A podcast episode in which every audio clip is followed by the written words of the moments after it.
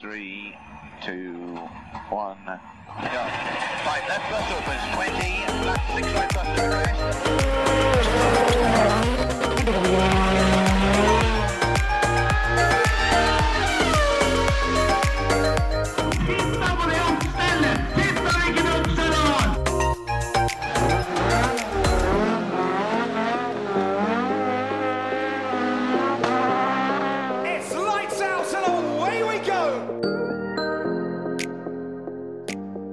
Velkommen til en eh, ny episode av Førermøtet.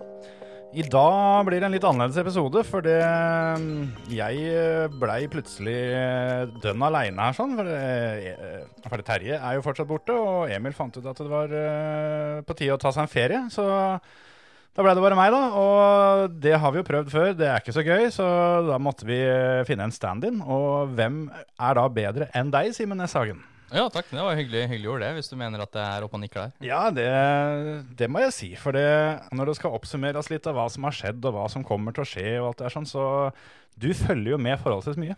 Jeg gjør et forsøk, i hvert fall. Ja. Det, det skal jeg ikke legge skjul på. Det er vel, eh, det er vel jobben din? Ja, det har jo blitt det. Eh, Jeg er veldig sånn på bilsportutøvere dem, eh, det er, mange syter og klager over ting og tang eh, det er sånn 13-åring klagde over at han hadde dårlig oppsett på crosskarten sin. Da tenkte jeg, ro ned nå. Nå skal du være glad for at du hele får drive med det her. Og jeg prøver å ta meg sjøl i det samme. At jeg må, må føle meg ekstremt heldig som, som kan ha det her som et levebrød. Så det er veldig takknemlig over at jeg har eh, fått komme til i den posisjonen. For de som uh, ikke kjenner til deg, så er det da parkfarmé.no Oh, takk for at du eh, sa det riktig. Det Aha, er er, ikke alle som gjør det. er det litt varianter ute og går? Ja, det er parkferm, parkferme. Uh, og så stopper det seg etter park hos mange. Dette er ikke noe folk som da ikke nødvendigvis helt er kjent med begrepet fra bilsport. Skjønner, skjønner. Ja, nei, det Ja, for jeg tenkte at ja, går an å si det gærent, men nå har jo vel jeg hørt eh, dette ordet uttalt siden jeg var bitte liten, så det kan hende det hjelper. Ja, det hjelper det. Det er også mange som skriver det feil, skal sies. Eh, Ja. Enten det er en K, eller at det er farme og litt art. Så, men ja. Det, man, jeg jeg testa ulike termene på Google, og man kommer fram til sida uansett, så da, da, da er det greit. Da kan det være, egentlig. Ja. Godt uh, poeng, det der. sånn. Men eh, vi kan ta det aller først. For det, vi har jo en fast spalte som heter Ukas ord, hvor vi prøver å, å forklare ord og uttrykk eh, som de som ikke er så inne i dette her sånn eh, Ja, kanskje skjønner hva er, da. Og da er jo Park Farmé et perfekt ord for denne uka. Og ja, han har ikke vært på lista før, da. Nei, det, Nei. Ja, det, det, jeg går litt sur i det, men jeg tror Ja, det. det. ikke Altså. av det jeg har hørt, i hvert fall. Så jeg kan ikke huske det. Nei. Nei. Jeg har ikke hørt alle episodene, jeg må innrømme det. Ah, Eh, ok, ja, ok. men Ja, da blir det bare en halvtimes episode. Da ble det bare da. halvtime. Ja, det er. Nei da, men uh, om vi så har hatt den før, så tar vi en liten recap. Så har du lyst til å bare forklare hva er egentlig Park Farmé? Og det er flaks, da, for jeg er jo ekstremt dårlig i fransk. Men er det en av få ting jeg kan utenom uh, bonjour, så er det vel uh, parc fermé. Um, meg bekjent så betyr det da egentlig lukket parkering, eller stengt parkering. Mm. Um, og så hvorfor, hvorfor heter det det? Jo, det er jo Jeg kaller det litt bilsportens do dopingkontroll, da. Mm. At, eh, at, eh, og dette var, jeg brukte begrepet på nettsida fordi dette favner om alt som har med bilsport å gjøre. Mm. Um, Ja, uan, uansett ja, gren. Fra bilcross til Formel 1, Ja. så har vi Park Fermé. Ja. Uh, så breiere får du det ikke. Nei. Fra Starmoen til Silverstallen, liksom. så, så Nei, og det er jo nettopp Du må jo parkere bilen uh, da i en egen lukka sone etter du har kjørt. Mm. Primært av en finale, eh, eller i hvert fall et resultatgivende Eller at du har fått et resultat. Parkere der, og så skal bilen være disponibel til, til en test, da, et sjekk, da, for, Ja. for uregelmessigheter. Så da- ja. Da er det ing- ingen som får lov å, pelle på bilen. eh, Nei, du får knapt lov til å ta et GoPro-kamera ditt når du har parkert. ja, Det har jeg faktisk Så- fått kjeft for en gang, så det, det stemmer bra, det. Ja, nei, jeg skulle hente lommeboka mi etter alle hedmarkene. Jeg fikk smekk på pungen for at jeg åpna døra igjen. Ja. Det er klart jeg skulle inn og gjøre juks. jeg skulle ja, ja. cheate. Ja, så det Nei, det, og det, da er jo litt tanken da at eh, da må bilen stå der helt til den blir frigitt av løpsledelse og eller jury eller noe sånt nå, pga. protester da, eventuelle protester og tekniske etterkontroller og alt det der. sånn. De kan jo ta stikkprøver sjøl som regel. Det Ja. må ikke ligge en protest hvis man mistenker eller at det er en stikkprøve. Så, så Mm. har man all rett til det. Ja. Men jeg har alltid vært litt spent på hvordan det egentlig gjøres i praksis. fordi hvis jeg mistenker at det er et annet materiale i råden, eller noe sånt. at de mistenker at her er det et materiale som ikke er lov, eller her er den en halv millimeter for liten, eller et eller annet sånt. Da. Ja, ja. Altså, man, man begynner ikke å sprette opp bilen inni der heller. Så, Nei, men er vel gjør kanskje jo det noen ganger òg, da. Jo, ja. har Nei, jeg har aldri sett sett det, så- Nei. Jeg aner ikke. Nei, altså, Det har jo vært noen sånne som jeg har tenkt det samme òg. At eh, vi hadde vel uh, under VM-runden i rallycross på Hell i fjor, når Anton Marklund uh, ble diska for en sånn halv millimeter for langt eh, stag i Ja, tjukkelsen, så han var, han var for tjukk. Ja. Han var for tanks. Ja, Det ja, bildet. Ja. Det er liksom sånn som det òg, at eh, Ja, hva er det som fikk deg til at det var det du skulle sjekke da? Tenker jeg noen ganger. Det kan jo ha foreligget en protest òg, eller at det, må, at det er noen rykter. ikke sant? At noen har, har noen inside CAD-tegninger fra GCK eller noe sånt, muligens. Jeg vet ikke. Man har jo alltid sin grunn til å sjekke. Det, det vanligste, sånn som i gokart og sånn, så går det vel kanskje hovedsakelig på bensinblandinger og sånne type ting, eh, vil jeg tro i hvert fall. Men, Eller, eller at du ikke har pissa før start, sånn at det er litt for eh, lett Ja, totalvekt. Ja, for vekta der er jo av det, det ser vi og det skal vi komme litt tilbake til, men eh, spesielt i, eh, i Formel 3 f.eks., som du ser etter mål, at de, de kjører noe vanvittige omveier for å få samla opp gummi for å både få bilen høy nok og tung nok. Ja. Det, det er ikke noe spøk, det der, altså. Nei, det er ikke det. det og det er jo helt, det at alt er jo helt på limiten. Eh, og så kan vi jo ta dette en gang til, så kan du, så kan du forklare hva er Park Fermé. Men eh, da tenker jeg mer på det som du driver med. Oh, ja. G- nå vet jeg ikke hvor lang tid vi har, for dette kan jeg snakke i døgn. I, men greia da var at eh, jeg, for å ta introduksjonen av hvorfor nettsida starta opp Mm. En ting var at når jeg var liten, jeg lagde jo nettsider da jeg var 8-10 år gammel. Så hvis det er noen der ute som husker den første fansa til Petter Solberg, eller rallynett.tk Hvis det er noen som husker de nettsidene på starten av 2000-tallet, så, så lagde jeg de. Ja. Eh, om jeg skulle konkurrere ut norskral.com eller vrs.com. Jeg veit ikke, jeg, men, uh, men jeg hadde i hvert fall veldig gøy med det. Uh, men det, det var den ene ting, og så, ble, så forsvant det, for jeg lagde 100 sider og hadde ikke tid til å holde på med det. Men, men jeg har jobba som journalist i mange år og, og utdanna som det. Og så sa jeg opp jobben min jeg hadde i Livposten. Jeg hadde en veldig god, fin jobb der. Trivdes der. Mm. Men det dukka opp noen eksterne muligheter som fordra at jeg blei frilans. Ja. Blant annet Red Bull i Norge. Mm. Eh, De skulle st- styrke motorsporten og trengte litt ekspertise, så jeg jobba mye for dem. Men så merka jeg at jeg hadde så mange ideer. Jeg, jeg fikk så mange reportasjeideer, da, både når jeg var ute på løp, og, og ideer som Det var ikke alt som Red Bull eh, ville ha, eller, eller at de ikke, ikke prioriterte det. Og så fikk jeg sånn der Jeg har et utløp, jeg må få dette ut noe sted. Jeg må, disse sakene må jeg lage. Mm. Og jeg lurer også på så mye rart, som jeg føler at hvis jeg lurer på det, sikkert mange andre som lurer på det òg. Ja, ja. Så starta den nettsida. Det skulle ikke være noe journalistikk, ikke noe forpliktende Det skulle være på kanten til useriøs, nesten. Ja. Eh, veldig lettbeint. Men så så jeg da at de sakene jeg lagde, fikk såpass gjennomslagskraft. Og jo mer seriøs journalistikk jeg dreiv med, jo bedre blei det. Folk skjønte tydeligvis hva god journalistikk var. da. Ja, ja. Jeg undervurderte publikum der. Så da bestemte jeg meg ganske kjapt på at eh, dette må jeg faktisk prøve å leve av. Her har jeg en gyllen mulighet til å kunne faktisk leve av det jeg er utdanna som, kombinert med min blodinteresse siden jeg blei befrukta. ja, ikke sant? Da endte det sånn som det går nå, da. Så får vi se. Det er jo usikre tider som alltid, både for meg som, som alle andre. Men, men enn så lenge er jeg optimist, og, og det er jo ekstremt morsomt. Og jeg føler meg ekstremt privilegert av å kunne jobbe med det. Mm. Du har jo eh, helt sikkert merka det som eh, de aller, aller fleste andre, at det her har vært et, eh, et annerledes år. Ja, og det var litt rart, fordi jeg, jeg klarte å dra på meg en unge i fjor. Ja, Som mange andre. Eh, jo- Bilsportutøvere faktisk gjorde det i 2019. Det er, det er faktisk bilsportens gullår hva gjelder en ny generasjon. ja ikke sant? Ja, jeg har jo Kristian Krognes, Steve Røkland, Anders Grøndal, eh, min gode kompis Alexander Wiik, som eh, er med i, i Viasat, er aktiv bilsportutøver. Eh, og Kenneth Jonstrøvel, hvis ikke det var i år. Nei, det var vel i fjor, var det ikke det? Jo, det er masse bilsportutøvere dro på seg unger i, i fjor. Yes. Men, eh, men ja, da var jeg ute i en pappaperm, som Ja. begynte 9. mars. Det var, jo, det var jo Eh. timing som egentlig passa forholdsvis bra. Da. For så vidt. For jeg, da tenkte jeg at um, jeg skulle egentlig ha en vikar. Så så jeg at det her kan det bli lite inntekter, for det skjer ingenting. Jeg dropper vikaren, men flaks. Da taper jeg ikke så mye penger. Men så merka jeg at jeg hadde jo løpende utgifter alli- allikevel. Og skulle dekke opp et underskudd fra i fjor osv. Så, videre, så jeg hadde egentlig ikke råd til det her allikevel. Mm. Så det blei litt, eh, litt spennende allikevel. Men uh, heldigvis, når bilsporten begynte opp igjen litt med Formel 1 i sommer, og ting har kommet gradvis, så har jeg merka det for min egen del òg. Mm. Så, så det er jo lovende. Ja, for det, det ville vel vært eh, litt tyngre med en tre måneders pappaperm midt i høysesongen eh, i et vanlig år.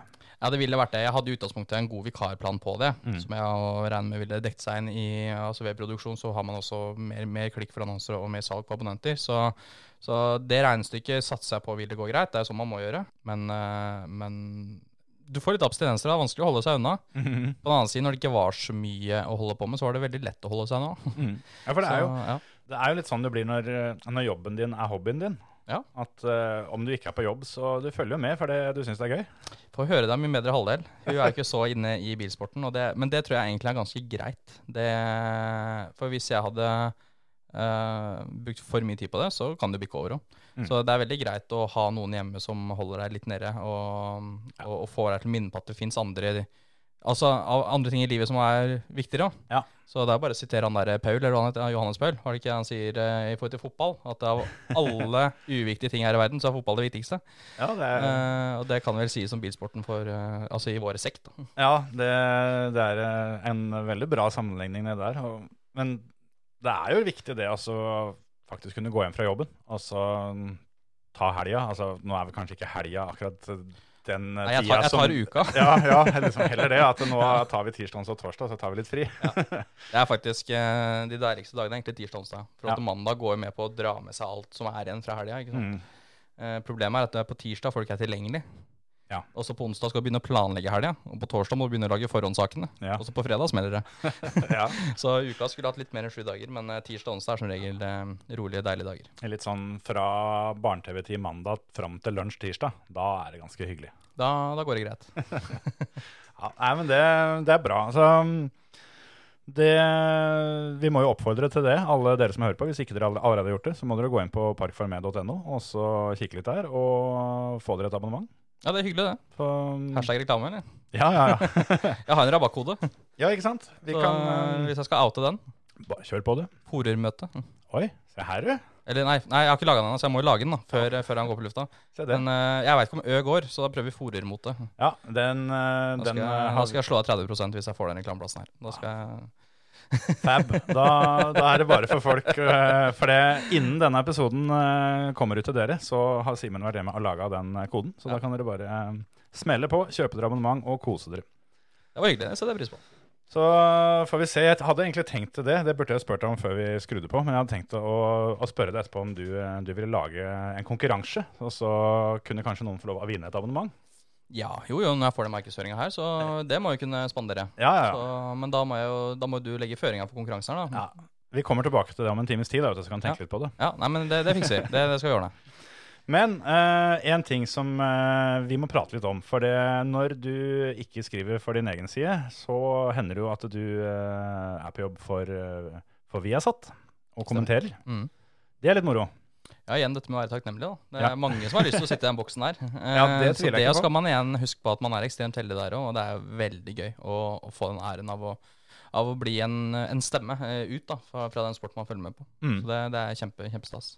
Du har vel kommentert det meste av Formel 3-sesongen? Ja, jeg og han nevnte Vik, da. Mm. Vi har jo delt på det. Uh, og så jeg har jo Jeg har jo sett på alle løp jeg ikke har kommentert òg, selvfølgelig. Det blir sånn. Uh, men jeg har kommentert da halvparten av, av løpene i år. Mm. Åssen er det dere fordeler det? da? Tar dere ett løp hver, eh, eller tar dere helg hver? Ja, i utgangspunktet en helg hver. Ja. Uh, vi tok begge, vi kommenterte sammen første helga for å introdusere oss begge, og at vi begge kommer litt inn i det. Eh, men uh, men eh, i forhold til budsjetter og sånn, så var det satt av bare én kommentator, da. Så da endte vi med at vi tar helgene. Mm. Eh, men det blei litt nå på slutten av året, så var det litt ulike ærender lørdager og søndager, så da splitta vi. Så jeg, eh, jeg hadde søndagene på Spa og Monza. Og så hadde Alexander lørdagen her. Men uh, så hadde han litt flere løp enn meg i sommer, så jeg hadde da siste helga nå på Mugello nå. Ikke sant. Mm.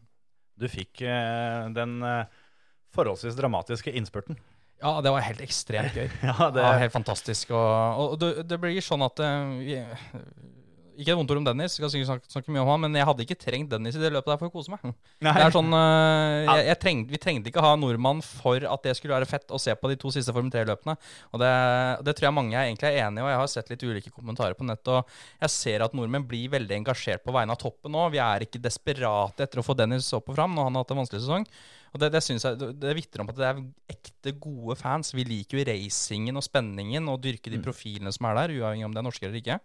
Og det må jeg si eh, Nå har ikke vi sett så mye intervjuer, så jeg har ikke blitt så kjent med føreren i år. Men jeg så i siste intervju med Oskar Piastri, da, som vant uh, sammenlagt, og han virka som en veldig fin fyr. Mm. Veldig ålreit type. Uh, og det er også veldig hyggelig å se, da, for han har vært en, ki en, en killer holdt jeg på å si, ute på banen. da. Ja. Og jeg liker de utøverne som er skikkelig gærne ute på banen, og de som er sånn i overkant hyggelige, nesten litt for hyggelige utenom. Og Piastri ble en sånn type, da. Så, men det var jo var helt fantastisk å, å følge innspurten her. Jeg har ikke sett alle løpa, men jeg har sett en del. Men det der siste løpet der, det, med det utgangspunktet da, at eh, det var da to teamkompiser som begge starta dønn likt. Så der var rett og slett førstemann til mål i det siste løpet. Ville antageligvis da bli verdensmester. Ja. Men så var det én mann da som kunne, kunne melde seg på bakfra alle sammen. Og det Og det, og det skjedde jo òg, at han Theo Portier, ja. han franskmannen, som også har imponert helt sinnssykt i år Han er jo han var rookie, han, sammen med Dennis. Og uh, Det er det som er så gøy, og det blir en ekstra dimensjon. Det er ikke bare spenning, liksom. Hadde vi ikke hatt Porcher, så hadde det vært veldig greit for han Piastri, for han var jo poenglik med Logan Sargent, da, som da krasja i første svingen der.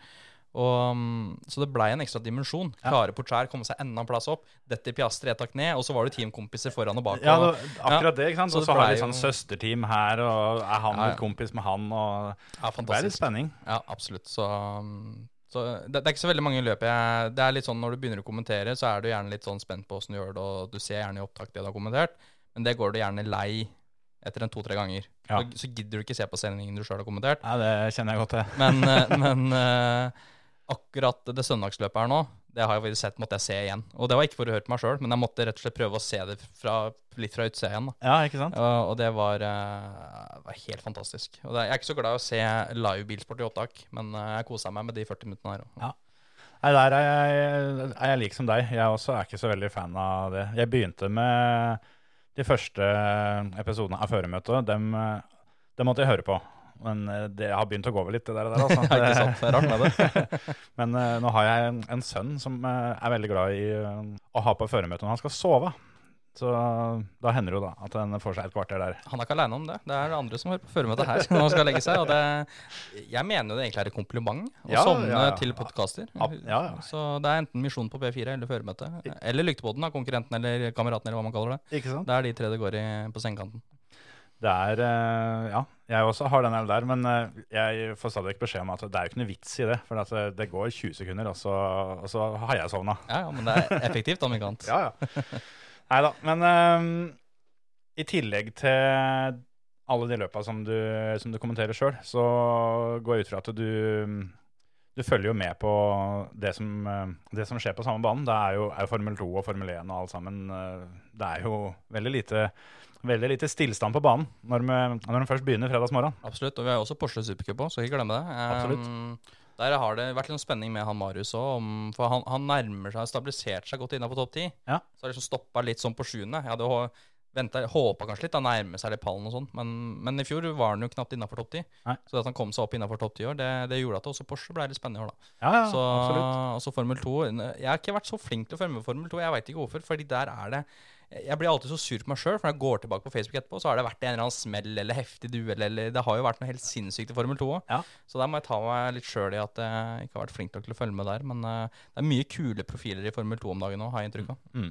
Jeg òg er litt sånn, og det blir sånn som du sa det med, det med Formel 3-sesongen òg, at uh, jeg kjente ikke til noen av dem egentlig før, uh, før sesongen begynte, med unntak av, av Hauger, da, selvfølgelig. Mm. Og da tenkte jo det at ja, ja, det veit ikke helt om jeg kommer til å engasjere meg så tungt her. Det blir jo å følge med og se liksom åssen det går med Dennis og sånn, men eh, jeg tror jeg tror jeg kunne navngitt halve feltet nå, liksom. Så det Ja, ja. blir jo sånn Du blir litt kjent med dem, og, og ikke minst som du sier det, at du, du kjenner igjen litt sånn kjørestilen. Du veit litt hva du kan forvente når han og han ligger der, og hvem som er, har litt ekstra å by på da, til tider. Absolutt. Og, og der har jo han Theo Porcher, franskmannen, stikket seg litt ut. Og han blei litt kjent med i fjor fra Formel 4 i Tyskland. Og For han var jo hovedkonkurrenten til Dennis i fjor. Ja, han var den eneste som slo Dennis i fjor. Mm. Dennis var jo helt overlegen i Italia, og var for så vidt overlegen i Tyskland, med unntak av Porcher. Mm. Han slo jo ofte Porcher, Mm. men, eh, men Dennis var jo innblanda i ting. Og så noe var selvfølgelig påkjørsler og sånne ting, og så kan man alltid diskutere hva som var, på en måte var uflaks og ikke. Men, men Dennis hadde flere røde prikker, da, kan du si, på, på resultatlista. Mm. Mens Butcher, han var jevnt over, skaffa jo poeng. Mye, mye jevnere. Uh, selv om det ble jevnt til slutt, for Butcher hadde én dårlig helg. Men han Mm. tapte mye, for han leda egentlig med ganske mye på Dennis.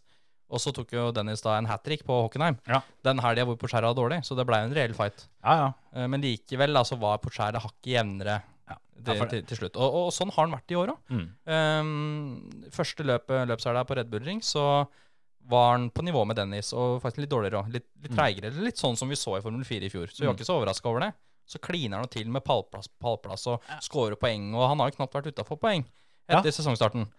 Uh, og det var der vi hadde håpa Dennis skulle være. Mm. Uh, men vi må bare innse at han, Theo Butcher er en fantastisk, uh, fantastisk bra fører. eh, talentfull fører. Og klarte den overgangen. Og, Mm. og, og beholde også um, den identiteten han skapte i fjor da, i Formel 4. Den, den så vi tydelig i Formel 3 i år òg. Han er vel en av få som uh, har klart eh, pallplass i begge løp, med tanke på det at de mm, Han har gjort det to ganger. Ja. For han Eh, fikk det vel til nå siste Ja, hadde jo to andreplasser, og det er jo helt sykt. Eh, for det er jo, for de som ikke har sett Formel 4, så er det sånn Den, den posisjonen på lørdag blir jo snudd om. Topp ti blir jo snudd om på griden til Mm. søndag. Ja. Så blir du nummer to. Så starter du fra niendeplass på søndag. Ja. Og så, da må du klatre en sju-åtte plasser til, da. Ja, ikke sant? Og det gjør han. Eh, og så er det han David Beckman nå, som egentlig har vært den jevneste på poeng. Mm. Tatt poeng i alle løp unntatt ett løp. Mm. Og på Monza hadde han fullført en her, så hadde han tatt poeng i alle. Så han nå klarte to tredjeplasser. Så det er jo sterkt i, i Formel 3. For det er jo like biler og veldig høyt toppnivå. Ja. Så, eller bredt toppnivå, da, kan du si. Så, ja. Hvor like er egentlig de like bilene? Er jo De skal jo teknisk sett være like. Ja. De skal jo det. Det er Dalara-sjasser, og det er Mechachrome 3,4 liters motorer. Ja. Uh, og så alle deler er jo likt, men ikke sant. Det, Prema er jo det desidert mest proffe teamet. De har jo team i Formel 2, og de, og de har vel i andre formelbilserier. Det er ekstremt proffe, så de klarer vel De vinner jo hvert år. Ja, de er jo overlegne uansett, de. Ja. Eh, I Formel 2 er de jo på toppen. Ja. Nå er det vel eh, Mick Schumacher og Robert Schwarzmann. Schwarzmann vant jo Formel 3 i fjor. Mm. Og er i toppen i Formel 2 i år. Ikke sant? Eh, så, så det gjør noe riktig. Og det er ikke bare om å liksom sette opp bilen bra, men den skal jo tilpasses hver fører. Jeg, Mm. vil- noe, jeg, nå kjenner jeg ikke Formel 2 så godt som nevnt, men jeg vil jo tro at Schumacher og Schwarzmann fort har helt ulike kjørestiler. Antageligvis. Det er jo det, Ingen kjørestil er lik, egentlig. Så det er, um, og det har vært en utfordring for Dennis. For jeg har jo skjønt at Hightech har valgt å sette opp bilene så likt som mulig. At de vil være trygge på det. da. Mm. Men så har jo da tydeligvis Liam Lawson og Dennis da to helt forskjellige kjørestiler. Og da, Ja, for da det, det det, det er jo en ting som eh, som må nevnes litt, da. For det, det har vært eh, en god del en god del forskjellige forklaringer på hvorfor Dennis har, eh, har hatt en del trøbbel. Mm. Da har det, det ene har jo vært at bilen ikke er bra nok. Mm. Men så har jo Liam Lawson har jo, har jo vunnet løpet med den bilen, og har vært på pallen ganske mange ganger med den bilen. Jeg var veldig lenge skeptisk til den teorien der. Eh, det er veldig lett å, å konstatere det fordi det er veldig vanskelig å ettergå og dokumentere. Mm. Eh, og teamet vil mest sannsynlig ikke si så mye. Så skjønner jeg frustrasjonen, eh, hvis det faktisk stemmer.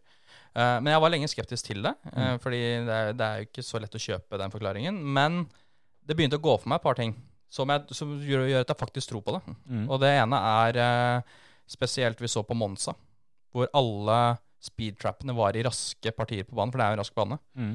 Eh, og der var Dennis bakerst på tre av fire. Mm. Og på den uh, speedtrap-warninga rett før innbremsinga i første sving, var han da fjerde sist. Så kan hende han ha tjent noen halvkilometer på Brentli seinere, muligens. Mm. Men der var han desidert bakerst på alle målingene. Eh, og Dennis er ikke så dårlig til å kjøre bil at han ikke tør å holde full gass rett fram. nei, nei. nei, men han kan, Så- jo, han kan jo ha ofra toppfarta såpass mye for å ha bedre grep i svingene, da. Så Ja, ja det veit man ikke, men, det men han var klart klar, bakerst, da, i hvert fall. Uh, men det, det som jeg tror kan underbygge det, da, hvis dette stemmer, er at Liam Lawson hadde et motorhavari i Ungarn. Ja. Og etter det fikk han ny motor. Dennis Ja, ikke har sant? ikke hatt et motorhavari. Nei. Eh, og den bytter ikke motor med mindre da det er noe komplett gærent. Men, men så gærent er, er det ikke med motoren. Eh, at den må bytte deler. Og, og den bytter ingenting hvis det ikke er noe som må byttes. Eh, og så lenge det Jeg trodde Dennis hadde hatt godt av et motorhavari.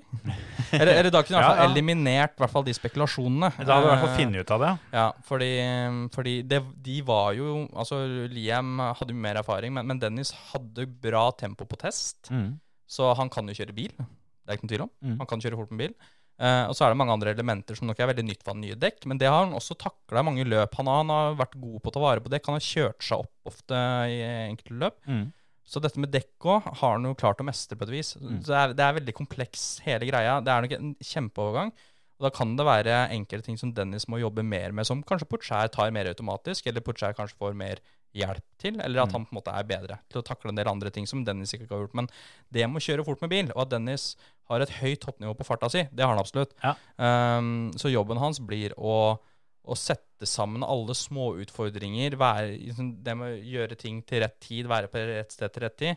Eh, dette med oppsett eh, Det kan jo være at en ingeniør Det har vi sett i rallyformel 1. En ingeniør har teoretisk fasiten. Dette blir bare Mm. teori fra meg, da. Mm. Men de har fasiten på sånn Jeg ser på dataen at det der skjer det sånn. Du har en overstyring der. Mm. Vi må gjøre sånn for å rette opp det. Ja. Og så har kanskje ikke Dennis pondus eller erfaring nok til å kanskje si ja, men da går det på bekostning av noe annet. Mm. Så sier Dennis kanskje bare OK. Vi, ja, vi gjør det sånn. Og så blir Ja. det kanskje verre. Det, det, det er sånne ting jeg tror Dennis har større utfordringer med enn kanskje Porcher. Mm. Rein fart, rein speed, eh, racecraft, kjøretalent, der, er- der er den jævlig god. Og det er, Det er, er, er, lov til å banne, Ja. forresten. Eh, det er tydeligvis det. Ja, ja. Eh, der, er, der er han veldig god, og det så vi på tester. Ikke sant? Han, og på treningstid, enkeltrunder, er den, er der oppe. Mm. Så, så det er alle disse elementene utenom som, som må jobbes med, enten det er fra team. altså Team har fått mye kritikk på strategier. Det, det kan jeg også henge med på. Det har vært noen veldig merkelige avgjørelser som har tatt. Men igjen, kunne Dennis-apparatet hatt mer pondus til å si ifra? Ja, ikke sant? Jeg, jeg ser for meg at jeg er såpass på en måte glad for å være der jeg er. At man må være takknemlig med det man får. Og Mm. man tør Altså igjen, det blir teori fra meg, men kanskje man kunne stilt, uh, stilt litt flere krav. Prøvd å liksom, hvis man er skeptisk uenig, at man kanskje sier imot. Det er mulig det har vært heftige diskusjoner òg, hvis det har vært uenigheter. Det vet jeg ikke noe om. Nei, nei. Men jeg, jeg tror om man Hvis man ikke kommer tapende ut av innad i teamet, så er man nok tjent med å, å, å stille litt mer hardt mot hardt. Mm. Ja, for det er jo det. Altså, en annen, annen teori har jo også vært det at uh, han eh, er jo fersk i dette her, sånn. Men der er, Det er jo Theo Porcher òg. Ja, for akkurat Theo Porcher er, jo, eh, er jo på en måte Dennis sin um, største konkurrent i år også, på mange måter. da. For det, det er så enkelt å sammenligne mot akkurat han, siden den var Ja. såpass, eh, såpass jevne i fjor. Det jeg må finne ut av, for det blir jo også brukt en av disse 100 forklaringene som er rundt Dennis, da, og, og hvorfor han ikke har levert det til enhver tid. Det kan være um, sikkert med rette at han har testa veldig lite. Nesten ikke kjørt noen ting. Når han kjørte i Bahrain, så hadde han ikke kjørt den bilen i det hele tatt. Vel, han hadde vel testa noe Formel 3 i Valencia i fjor høst. Mm. Da igjen var han jo, hadde han jo topptider, da. Ja, ja. Og var jo topp fem på Bahrain òg. var vi raskere enn Liam Laasen òg, mener jeg å, å vite. Um, men uh, han har fra Bahrain i da starten av mars, eller når det var, Mm. eller slutten av februar, til da rebuilding Bull Ring 1. juli, så hadde han ikke kjørt en eneste meter. Nei. Kjørt, altså, greit at simulator er simulator og fett og realistisk, men det blir ikke det samme. Uh, jeg veit ikke hvor mye Theo Porcher har testa i mellomtida, men når det er fransk, så vil jeg tro du har litt bedre fasiliteter og forutsetninger for å få kjørt noe. Det tror jeg også. Så, så det kan jo være at uh, i hvert fall fikk et forsprang på Dennis der, men de var jevngode første løpshelga. Mm. Uh, og Porcher dro jo ifra. Ja. Mens Og, og Det var en sesongutvikling da, som, Ja. eh, som, eh, som sprika litt for de to. Men igjen, det er jo Det har nok ikke vært lett eh, for all del. Og, og det jeg veit, er at Dennis er veldig sterk mentalt. Det er han. Ja. Så han, eh, han for det første lar han seg ikke Og det er jeg helt sikker på, han lar seg ikke påvirke negativt. Det er ikke noe at han nå mister troa på seg sjøl, eller at han på en måte går i kjelleren på noen som helst måte. Um, og han gjør jo veldig sjelden store blemmer. Han kjører ikke på noen, han drar ikke av banen. Han hadde heftig en på Silverstone, husker jeg, i Beckett's Chapel der. Ja. Men uh, hvem gjør ikke det når de skal teste limiten uh, bortover der? Si. Ja. Så, så det er greit, man har ikke gjort disse store blemmene, sånn som f.eks. Jack Doohan. da. ja, har Han, han har jo vært mister bilcross i. Formel 3 i år. Eh, gjort vanvittig mye rart. Har vel ikke tatt en eneste poeng, eller ja, nei, Jeg skal ikke si for sikkert, men han har fall bak den i sammenlagt. Det er en, eh, en du har hørt mye om, men som kanskje ikke nødvendigvis har vært eh, øverst på Nei. resultatlistene. nei. Um, og det er klart at uh, Dennis har ikke vært der, og det, det er et tegn på at han holder huet kaldt. Og, og hvis han kjenner at han har trøbbel, så, Mm. så overkjører han ikke. Eller han er ikke desperat. Så det er også en styrke han må ta vare på, eller prøve å utnytte i den situasjonen han er i nå. Så er det jo Altså, det har skjedd ganske mange ganger før da, at de som uh, har hatt uh, en, del, en del trøbbel en sesong, uh, har vært kjempegode år etter. Hvis ikke jeg tar helt feil, jeg tror det var Lorden Sergeant som ble nummer ti totalt i fjor, eller et eller annet sånt. nå. Er mye dårligere. Vi har mange kule eksempler på det som kan tale til Dennis sin fordel, og som Ja. han kan bruke i hvert fall hvis den trenger å bygge opp sjøltillit. Jeg tror han trenger det. Jeg tror han har bra sjøltillit. Jo, Men, trenger er jo- han en boost, så Ja. kan se på, se på sammenlagtlista fra i fjor. For da Liam Lawson da, han eh, hadde en debutsesong ved å bli nummer 11. Mm. Hadde litt av samme utviklinga som Dennis. Starta med å ikke ta noe særlig poeng, og så plutselig whoop, tok han en pallplass. Og så gikk det ned igjen. Mm. Og så tok han vel én pallplass til på slutten av året. Og dette var søndagsløp, da, så da fikk man nok litt gratis ved å starte litt langt foran òg. Mm. Uh, det var utviklinga til Lawson i fjor, og ble nummer 11. Max Futrell, som hoppa av teamet før sesongen var ferdig, i high-tech. Mm. Han ble nummer ti, så han var, jo han var jo best av de to i fjor. Og var mye dårligere enn Dennis i år. Bare for å skyte inn det. Ja. Du sa hoppa av. Ja, jeg tror det er mye spennende i kulissen her. Ja, for det tenkte jeg litt på, for jeg var litt usikker på det og var litt spent på om du kjente til det. Om han hoppa eller blei hoppa. Nei, dette blir sånn. veldig teoretisk igjen, men, men det har vært mye rart. Fordi Max Futrell han er en Renault junior. Mm. eh, og han, eh, han eh, kjørte ekstremt dårlig i år. Men i motsetning til Dennis så har han nok litt pondus til å si ifra. Det var ekstremt mye klaging og syting på teamradioene fra Max Futrell. Ja. Eh, og fikk det ikke til, og var dårligere enn Dennis. Um, Og han var jo ikke førsteårsfører heller. Nei, og han, han ble nummer ti i fjor. Mm. Uh, og er backa her nå. Uh, og sleit og sleit og sleit. Og, og sesongen gikk jo bare dårligere egentlig Mm. for Futural. Plutselig var han ute av teamet. Jeg tenkte ja, nå er han kicka ut, for han kjører så dårlig. Ja, det tenkte jeg også. Men så har jeg jo tenkt tanken så mye klaging. Han har pondus til å si ifra, åpenbart. Mm. Tror du de har bare satt hatt mot, hardt mot hardt? Han har Renault. Mulig han har noen viktige sponsorer i ryggen i Frankrike. Nei, i Future, han er jo brite. Uh, Ja. At han har, han har noen gode eh, støttespillere da, som gjør at de har den pondusen. til å være sånn, Nå orker vi ikke. Og det, det kan underbygge òg Dennis sine utfordringer. Men igjen, dette er veldig teoretisk. Men jeg tror ikke det er så enkelt for han bare ble kicka ut. Eh, når jeg veit at han har sagt ifra så mye som han har gjort før. Mm. Eh, men hvor, vi skeia litt ut av Apex nå. Jeg vet ikke helt hvor vi var nå. Eh, Nei, vi var på, var på toppfører i år som hadde Ja, litt trøbbel i fjor. Ja, Logan Sargent ble nummer 19 i fjor. Han uh, tok uh, som best en åttendeplass, to niendeplasser og en tiendeplass. Mm. Uh, ellers var utafor poeng. Sebastian Fernandes i ART, teamkompis til Porcher, Mm. han ble nummer 29 i fjor ved at han ikke tok et eneste poeng. Han åpna sesongen med pole position. Eh, det, det, det gjorde han. Um, mens vi har jo mange av de sånn stabile topp 10-førerne. De var også stabile topp 10-førere i fjor. David Beckman og Hughes, han veteranen som vi kaller han. Og, Mm. og disse her, Uh, Bent Fiskal osv. Uh, dette var førere som kjørte i fjor og, og var der. Mens vi har jo da som Sergeant var et annet team i fjor, ble nummer 19. Mm. Og nå kjemper om gull uh, eh, i år. Ja, han hadde jo um, omtrent uh, er han på pokalen ja. før det siste løpet. Absolutt. Så, så, så det er sånne elementer som, som Dennis kan nok lene seg på. Og jeg anbefaler også Dennis da å snakke litt med disse førerne. Eh, Ja, ja, vi får jo tro det. Altså Sjøl om det er litt sosial distansering i år, så vil jeg jo tro at de har en form for kontakt. Men jeg vet ikke hvor mange førere fra i fjor til i år som forsvant uh, ut og opp i Formel 2 og sånne ting. At uh, hvis du blir nummer ti uh, en sesong, så er det, er det vel på en måte kanskje bare fem igjen av dem, av dem som var foran deg. Ja, det er vel noe sånn. Jeg tipper eh, topp tre ryker opp til Ryker, hør. Ryker. Ja, Eh, jeg vil ikke si at er ryker på en smell og gå til Formel 2.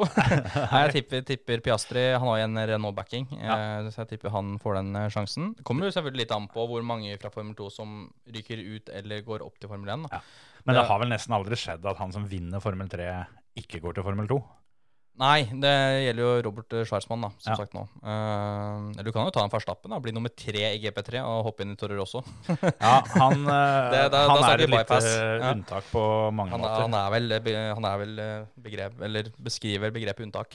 Han, ja, han, uh, han kjørte gokart uh, go og ble vel europamester sammen med Emil, som vanlig vanligvis sitter i din stol nå. Og eh, så kjørte han noe, noe løp i en sånn vinterserie med noe formelbil, og så kjørte han én sesong Formel 3, og så var det opp i Formel 1 og vinne løp. Funker det òg? Eller Kimi Reiknen som hadde hva de sa på sendinga her, da, hadde 23 løp med en Formel Renault, og så hoppa rett inn og var dritrask på en Formel 1-test.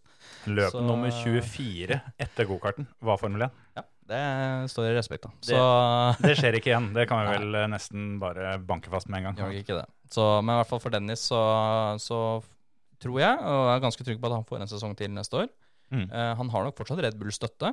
Ja, For det er jo det Eh, store spørsmålet her. Mm. Eh, Er det helt trygt at han får være med neste år? Det kommer jo litt an på Altså, Red Bull er jo kjent for å være passe utålmodig. Det er litt Ja, som en treåring som venter på mora si på matbutikken, som finner ei venninne. Ja. Eh, har ikke veldig god tid. Nei. Um, Det er jo et team som er som, Altså, det er på veldig mange måter det beste teamet, fordi de har Altså, de har jo tross alt fire biler på toppen. Der, eh, Ja, du har fire plasser, og så er det én de bryr seg om. ja, ja. Så så, det det er på en måte tre, tre ledige hvor de Ja. Så, så på en måte er jo den beste veien Dennis har inn til Formel 1, eh, er jo selvfølgelig gjennom eh, Red Bull. Den er mye kortere. Uh, uh, så kan det være Jeg, jeg tror han nok får Han får nok fortsatt backing. Han ikke ut av Red Bull, han. Uh, kommer litt an på Og, og, og det, det vil vi få svar på hvis han nå får den samme støtten han får neste år. Mm. Så vil det nok ligge mye i de forklaringene vi har hørt i år. Så uansett hvor lei vi har blitt av alle forklaringene rundt Dennis i år, så vil det nok da ha vært ligge mye der. For at eh, Helmut Marko han får jo selvfølgelig innsyn Mm. i alt som skjer rundt. Han får rapporter av Dennis. Um, han får sikkert se dataene på bilen og alt mulig. Um, og, og, da, og da er det en styrke at Dennis da i hvert fall selv ikke gjør så mye gærent. Som Mm. sagt, Han gjør ikke så mye feil, han sier ikke noe gærent. Han er, han er jo en veldig godt likt fyr. Mm. Uh, så, men samtidig, Dennis sa til meg rett ut her at uh, han Du kødder ikke med Marco, han, han stiller krav. Ja, ja, Han har ikke fått noe sånn der uh, Hva skal du si sånn Noe, no, han og 'stå på, gutten min, dette fikser du'. Nei, nei, nei. Han har ikke fått det. Eh, men men jeg, jeg tror nok han, får, han opprettholder noe i Red Bull-støtten. Så vil vi jo se eh, Måten vi kan se hvilken støtte han får på, er egentlig å se om bilen hans har eh, ligner på Formel 1-bilen, sånn som han gjør i år. Ja. Eller sånn som det var i fjor, hvor det ikke var en eneste Red Bull-logo på bilen. Men han har fortsatt Red Bull på hjelmen og kjøredressen. ja, ikke sant? Og det sier litt om hvor mye penger Red Bull er inne med. Mm. Um, og får han, får han eh, da fulldekorert bil, så er Red Bull inne med betydelig del av budsjettet. Ja. Um, ellers er han inne med en, en vesentlig mindre andel. Uh, jeg tror han fortsatt har støtten. Uh, men fordelen eventuelt til Dennis ved å få litt mindre Red Bull-støtte, tror jeg, da, er at han har flere team å velge mellom. Ja. Fordi Red Bull har jo åpenbart et veldig tett samarbeid med Hightech. Ja. Uh, jeg tror også de har samarbeidet en del med Genser, i hvert fall i andre Formel bilserier. Mm. Men Genser har ikke vært noe toppteam i år. Det er sånn som ART, Trident og Prema. Prema er veldig Ferrari, eh, veldig Ja. i, i retning Ferrari, da. Men, men eh, så om de vil ha en svær de- Red Bull-dekorert bil, det, det tviler jeg på. Um, men, men det kan hende at valgmulighetene er større hvis Dennis klarer å skaffe en større andel av budsjettet sjøl. Ja, ikke sant? Eh, og da, da er det også mer et eget ansvar om han valgte et godt team eller ikke. Mm. Eh, det er det. Men jeg tror nok Dennis er en veldig attraktiv fører. Jeg tror mange team vil ha han. Men Eh, eh, det tror jeg. det høres ut som at det er ikke, det er ikke gitt at, eh, at det er high-tech som eh, er teamet hans neste år. Nei, Jeg håper egentlig at han slipper å kjøre for high-tech neste år. Ja. For de har gjort mye rart i år. Det har ja. det uten, uten tvil. Um, så kan man diskutere selvfølgelig hvordan det er å jobbe internt i teamet. Dette med som dette å kommunisere med ingeniører, få det oppsettet du vil, mm. uh, og de tingene. Det kan være at det er enklere for Dennis i andre team. Du har jo, Um, det er jo en god del, eh, en god del scenarioer da, med tanke på Vi veit jo ikke hva som skjer eh, helt på toppen, så kan det jo være en én eller to eller tre som, eh, som blir bompa ut der, og så henter de opp noen fra Formel 2, og så blir, blir Liam Lawson henta opp til Formel 2, og så blir kanskje Dennis den som har liksom, hovedfokuset, kanskje får toppingeniøren, sånne ting, da. Og Det så, det vi kan håpe på. og Igjen, Jeg veit ikke hvordan hierarkiet er i high-tech, men, men det er ikke noen tvil om at Liam har hatt en bedre sesong. Han har hatt en bil som åpenbart har funka. Du blir jo litt førstefører. Men samtidig har jo Låsen også gjort en del feil som Dennis ikke har gjort. Ja, Men fordi ja. han har vært såpass rask som han har vært, så, så har han jo selvfølgelig bedre resultater. Ja. Uh, så vi kan jo håpe på en måte at Dennis ikke har vært prioritert i år. da. Jeg, det, er, det er litt synd, vil jeg si, hvis det har vært sånn. Mm. At han er nedprioritert eller ikke får samme prioritering som Låsen. Um, så det kan vi jo håpe på. Og da, men jeg vil jo fortsatt si det er sjansespill å kjøre på high-tech et år til. Og jeg veit at de ikke er spesielt happy. Det er veldig lite hva de tør å si, men, men jeg skjønner jo på det at de er ikke veldig happy. Mm. Um, og han er jo per i dag egentlig ikke noe high-tech-fører lenger nå. Han er, var jo ferdig med high-tech, kan du si, når sesongen er over nå. Og Ja. det er en test, Formel 3-test nå i Barcelona om en uke eller to. Ja. Da står han jo fritt. Så da vil jeg sette pengene mine på at Dennis nå vil nok teste for et annet team. Eh, hvem det blir, det veit jeg ikke. Og hvem som betaler den regninga, det veit jeg ikke. Om det er penger de må skaffe sjøl. Han har Mm. veldig gode sponsorer i ryggen. Dennis. Han har veldig Ja. gode partnere, um, som han nok får veldig god hjelp av. Uh, men selvfølgelig, Red Bull er jo den sterkeste, viktigste partneren han- har. Ja, Så vil du på en måte ikke erte dem for mye heller, da. Nei, men det, det må jo Red Bull jo skjønne. At ok, hvis eh, Ja, vi gir deg penger fordi vi har trua på deg, men du får ikke like mye. Så må jo de jo akseptere at da er det andre som må inn. Ja, ja. Altså, Du får ikke sponsa en kontingent av Fia for å kjøre her, liksom. Eller, eh, eller teamene, og de må gå rundt, de òg. Så de trenger jo også eksterne midler, de òg. Ja. Så, så det må de nå. Men den forretningsmodellen skjønner jo Red Bull, selvfølgelig. Så, så det blir spennende å se. Jeg tipper eh, Dennis kommer til å for det første få kjøretesten. Det tror jeg han kommer til å klare å få til. Mm. Og jeg tipper at han kommer til å øh, være et annet team. Jeg håper kanskje Trident-teamet. De syns jeg virka stabile i år. De har ikke hatt førere som er like sterke som fører, like talentfulle eller like sånn ekstreme som Dennis på én måte er. Mm. Uh, men de, jeg har inntrykk av at de, de har sysakene i orden. Blir jo et par ledige seter i Prema. Ja, men det er dette med igjen at den, den bilen er så rød, og det er italiensk team. Ja, ja. Um, så jeg veit ikke, selv om på en måte team skal være uavhengig om man blir plassert der man blir plassert. Altså, Oscar Piastri er jo Renault junior, Mm. Men jeg tror ikke det er like kontroversielt for en Renault-fører å kjøre med en rød bil. Det, jeg veit ikke, det er bare magefølelse. Men, eh, men for all del, hvis Dennis savner i Prema, da er det ingenting å skylde på lenger. Nei, nei, nei, da har du Det blir som å dytte noen inn i Mercedes i Formel 1. Ja. Altså, du har ingenting å, å forklare etterpå. Helt riktig.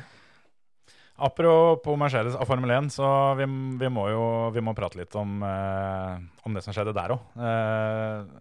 først og fremst da, så må jeg jo bare, bare si det. Vi var litt inne på det forrige uke òg, men nå har vi da kjørt to løp etter at de, eh, etter at de fjerna den, eh, den såkalte partymoden.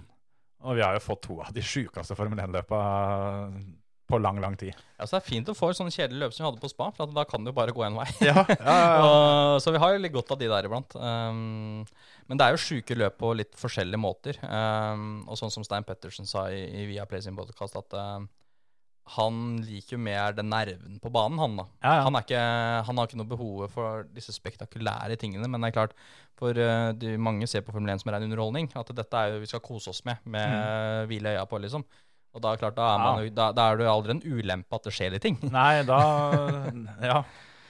Nei, jeg òg må jo si meg enig i det. At uh, det gir jo ikke meg så veldig mye at det er syv biler som står i en uh, ekstremt dyr, dyr skraphaug uti i ei sandfelle. Men eh, det, det er på en måte spektakulært i fire minutter, eh, til du finner ut hva som skjedde og sånn. Ja, du Men- skal sitte i tre kvarter på rødflagget, liksom. Da Ja, blir det litt kjedelig. Men eh, jeg tenkte jo det når, jeg, mm, når Verstappen var ute på første runden. Ja. Jeg, altså, jeg, jeg har veldig sans for Verstappen, og jeg håper at han kan ta Mercedes-gutta før eller siden. Ja. Men det første jeg tenkte når jeg så han var ute Yes, nå blir det en fet pall uansett. For nå er det en eller annen som kommer på den tredjeplassen, som Ja. kommer til å være dritglad. Mm. Og det kommer til å være så gøy, den som får den tredjeplassen. Mm. For nå blir det ikke Mercedes pluss Verstappen. Nå er det en eller annen som er dritheldig og får den pallplassen her. Det var det Ja. første jeg tenkte. Ja, det, for det, det har jo vært sånn den sesongen her. eh, I hvert fall fram til de kom til Italia. Uh, så var det jo Det var uh, Hamilton, Bottas og Verstappen, og så hadde vel Sainz én pall Nei, Ja, Norris hadde vel en i starten, og Leclerc klarte å Eh, dra på seg en eller annen ball. Ja, Så- jeg tror han hadde to, faktisk. Fikk vel annenplass i første løpet. Nei, Norris har bare én, men han hadde, Ja, han nei, hadde men, tredje Leclerc har to. ja, ja, det kan fort hende. Ja. Og så eh, kom de til Italia, fjerna party mode, og da er det bare helt kaos. Da, da, nå har alt skjedd. Ja, men det er jo, jeg lurer på hvordan det egentlig påvirker ytelsen, for Mercedes er jo fortsatt eh, ganske overlegne. På, Ja. og, og de sa jo ut at det spiller ingen rolle om vi skal ta vekk den partymoden, og det har de jo for så vidt hatt eh, rett i, ser det ut som. Toto Wolff sa vel at det var vel eh, faktisk til, til deres fordel òg, Mm. og det, det ser jo absolutt ut som det stemmer. Så Ser det sånn ut? da. Det ble litt uh, tettere fight mellom uh, Bottas og Hamilton. I hvert fall sånn Det er jo på en måte produksjonen som velger, da, men uh, ut ifra radiomeldingene vi fikk fra Bottas, så, så virker det som at det begynner å spisse seg litt. Det der sånn. Han er, Ja, det er deilig å se at Bottas får litt albuer nå. Ja. Han har jo vært helt amputert i to sesonger og blir vel sett på som eh, wingman og bikkja til Ja. Hamilton på mange måter her. Og Uh, jeg ser at den stiller krav. Og greia var at Bottas var raskest på alle treningene. Mm. Han var raskest på Q1 og Q2, og så blir han avbrutt på sitt forsøk av Ocon på Q3 Ja. og mister polen, og så ja. Men klart, Bottas ba jo om safety car. Han fikk det. Ja. Det ble en restart pga. rød flagg, Ja. og så gjorde han en ganske ræva start. Men- til slutt kan han skylde seg sjøl, for han Ja. mente at han skulle dratt fra Louis hvis han kom foran. Han, eh, ja, nå er vel ikke Bottas eh, kjent for å ha stående start som sitt eh, sterkeste våpen. Nei, jeg har sett andre, andre større styrker han har vist i år enn en standing start. Ja. Men han, eh, han fikk jo skylda for denne kjempesmellen eh, når, eh, når vi så på TV. Det, det syns jeg vi skal ta fram, holdt jeg på å si. Ja, og der er han, der er han blitt frikjent i ettertid òg. Ja, han utnytter regelverket, og jeg skjønner altså så, Det så jo Formel 3, så lang som den strekka her. Ja. Du kan ikke begynne å gi gass tidlig, for da blir det spist opp uh, før første sving. Ja. Uh, veivinga Det har egentlig ikke så mye å si, det er bare en taktikk han gjør. Ja, ja. Den, den veivinga hans forårsaker ikke smellen, fordi smellen hadde allerede skjedd. bak. Ja, og han holder jo stabil fart. Ja, så det så, jeg så både på Sky og, og Formel 1 sin offisielle kanal at det er ehm, De la en del skyld på Russell, Ja, fordi det- han hadde etterlatt seg et ganske stort gap og begynte å gasse. Og da kom Ja. jo trekkspilleffekten etter det. Men Louis Hamilton hadde et godt poeng tidlig som ikke har blitt debattert så mye, og det er sikkerhetsbilen. Ja, Som var litt treig, ja. Ja, også, Men hvor treig var han, eh, tenkte jeg, og så greit nok. Og så kikka jeg opptak, Mm. og han skrudde av lysa før, rett før siste sving. Da skrudde han av lysa.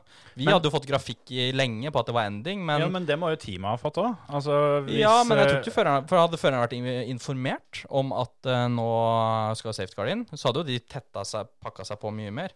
Uh, men på den annen side så tror jeg vi skal heller ikke hogge huet med Mylander heller. Men det er nok ikke en, eh, det er nok ikke en ulempe å, å skru av de lysa tidligere når vi hadde på grafikken.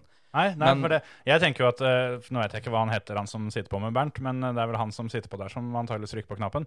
Eh, det kan Ja. hende han eh, At det rett og slett var en, en liten glipp. Kan være en glipp. Men det har ikke blitt diskutert så mye, så jeg veit ikke. Men Nei, jeg tror også førerne, eh, med den lange strekka som er, da, at de ikke ville ligge tett. Det kan være det òg. ja, at det- de ville heller ha mer å kunne ha slipstream enn å ligge side om side. Så det kan jo være at førerne sjøl er litt skyld i det, og de har jo også fått, Mm. fått en del advarsler. Jeg tror tolv av Tolv. førerne. Ja. Tolv mann fikk, og Bottas var jo ikke en, en av dem. Nei. Så han er jo, er jo frikjent. Men sånn som jeg så det òg, så de lå jo sånn forholdsvis tett eh, fra Bottas og ned til det var ei luke ned til George Russell. Mm. Og så lå de egentlig ganske tett bak han òg. Så det, det, det, var, det var jo egentlig bare han. Ja, og det kan være at Russell også sov litt i timen nå, eh, og at Ja, han eh, ikke helt Han trodde kanskje ikke at det var restart pga. lyset til sikkerhetsbilen, jeg vet ikke. eh, Kan være. Så jeg har ikke hørt noe sånn klare Men Jeg tenker jo litt det at det, det er jo bare teori, selvfølgelig, men, men jeg tenker jo det at han tok en sjanse. For det, hvis, hvis han treffer på den der, der sånn hvis, han, altså hvis starten går før han eh, han kunne få ordentlig momentum. Ja, ja, han, hadde jo, ja. hadde jo vært oppe og fighta han var, helt, han tenkte det. foran der. Jeg tror jeg, han ikke vil innrømme det uansett. Nei, det, det, det kommer men, aldri til å skje. Men, eh, men det kan være. Men eh, jeg vil se for meg nå at det blir mye strengere med dette med lysa. Og Mm. jeg vil se for meg at det safety car-linja altså det, det er jo kanskje mållinja som er safety car-linja Mm. for full gass, men at det blir eh, opprettholdt en egen safety car-linje. Nå er det vel safety car-linje for at den skal ut, eller et eller annet. Nå vet jeg Mm. Ja, ikke. Men, du får ikke lov å eh, kjøre forbi, forbi safety-caren, og så du, er det vel maks ti billengder du kan, du kan ligge bak den. Ja. Så uh, så, så, så, det er noen sånne greier, da. Og da mm, Det blir jo skjerpa inn nå, vil Ja. jeg tro. noe kommer nok til å skje Ja. utover dette. Altså. Men øh, denne restarten, den øh, Det var jo ikke det eneste. For det, det begynte jo allerede øh, mellom sving 1 og sving 2. Ja, på, det var jo på den første runden. Jeg sendte en melding til han eh, kollega Vik her og sa Vet du hva, jeg tror dette blir et fett løp. For den banen her er så smal, og den er så ukjent. Så jeg tror, jeg tror folk kommer til å rett og slett glemme hvor breie de bilene er i forhold Ja. til hvor smal denne banen er. For det er jo såpass mye limiter og, og, og, og runde Altså runde raceline da, i forhold til hvor smal banen er. Ja, og så Så- er de jo vant til det at de, de har asfalt og sånn astroturf. Uh, Ja. Sånn at hvis det blir litt for trangt, altså, kan de stikke av. Ja. Men det kan de ikke her. her er det bare sand overalt. Ja, ja. Så, så nei, det var jo carnage, det. Og det var jo Jeg blei på en måte ikke så overraska, og så blei jeg litt glad. Ja. Nei, for det, det er vanskelig å si hva det var som forårsaka det, men én faktor vil jeg jo tro at uh, Pierre Gasly, som da vant forrige løpet, havna såpass langt bak, da. Og nå hadde han liksom endelig kommet seg til toppen av verden, og så Fader, jeg skal ikke være bak her. Nå Nei, det var- kanskje litt eh, heit på grøten. Og, litt urut, og han, og han hadde nok i tanken at dette er en bane som er vanskelig å kjøre forbi på. Er det sted man kan ta mye plasser på en gang, så er det i starten. Ja.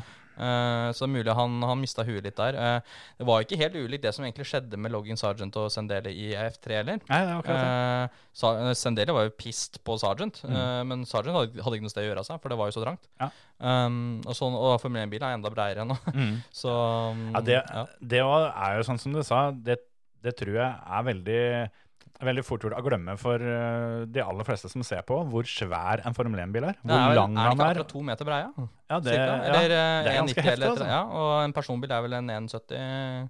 Ja. Så kan du se for deg når du skal, skal gjennom trange, trange steder, at uh, Formel 1-bil er gjerne 20 cm bredere. Er, jeg aner ikke hvor lang han er, men eh, jeg tipper han er ganske mye lenger enn det de fleste tror.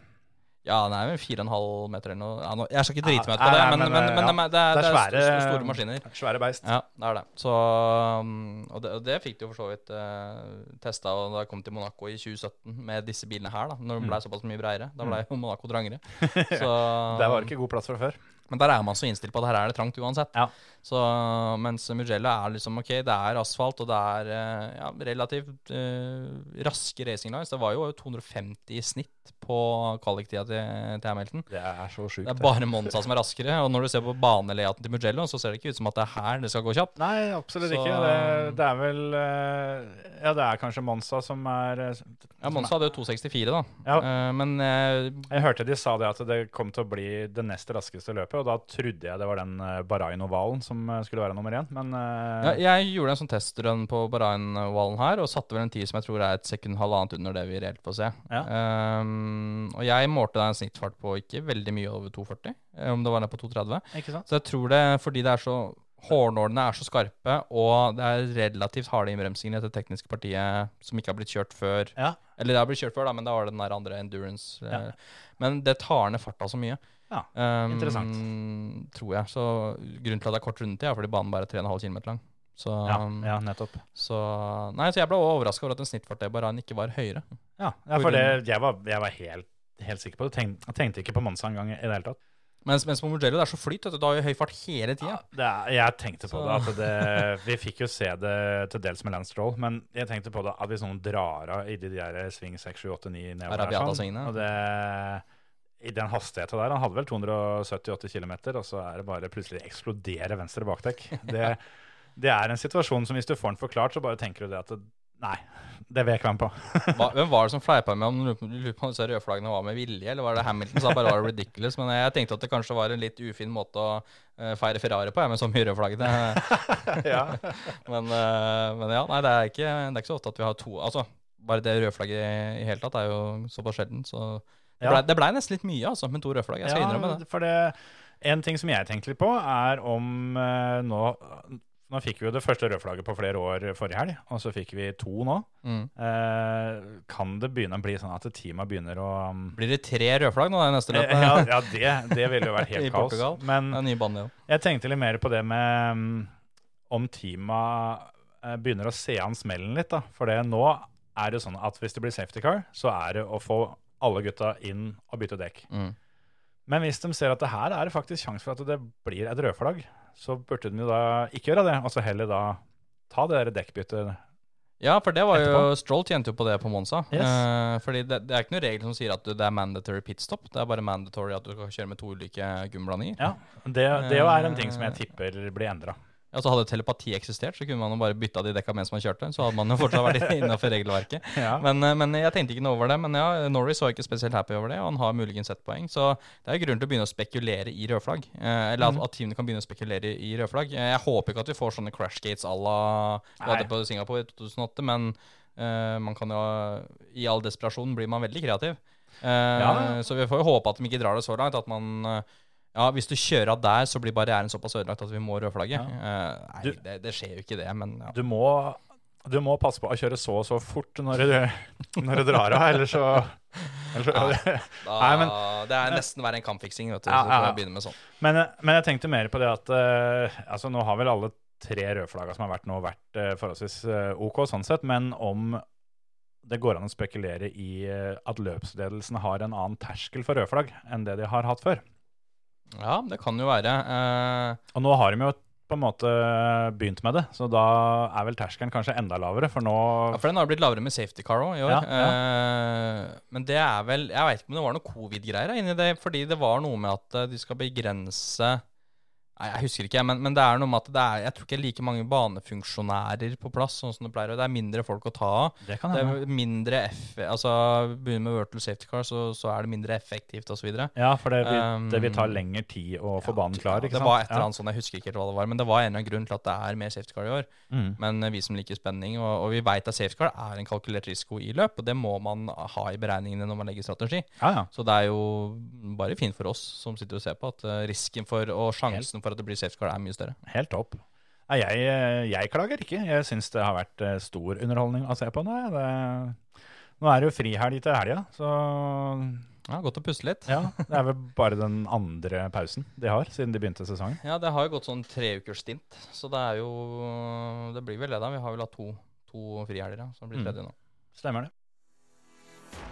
Du hører på Førermøtet, Norges beste motorsportpodkast.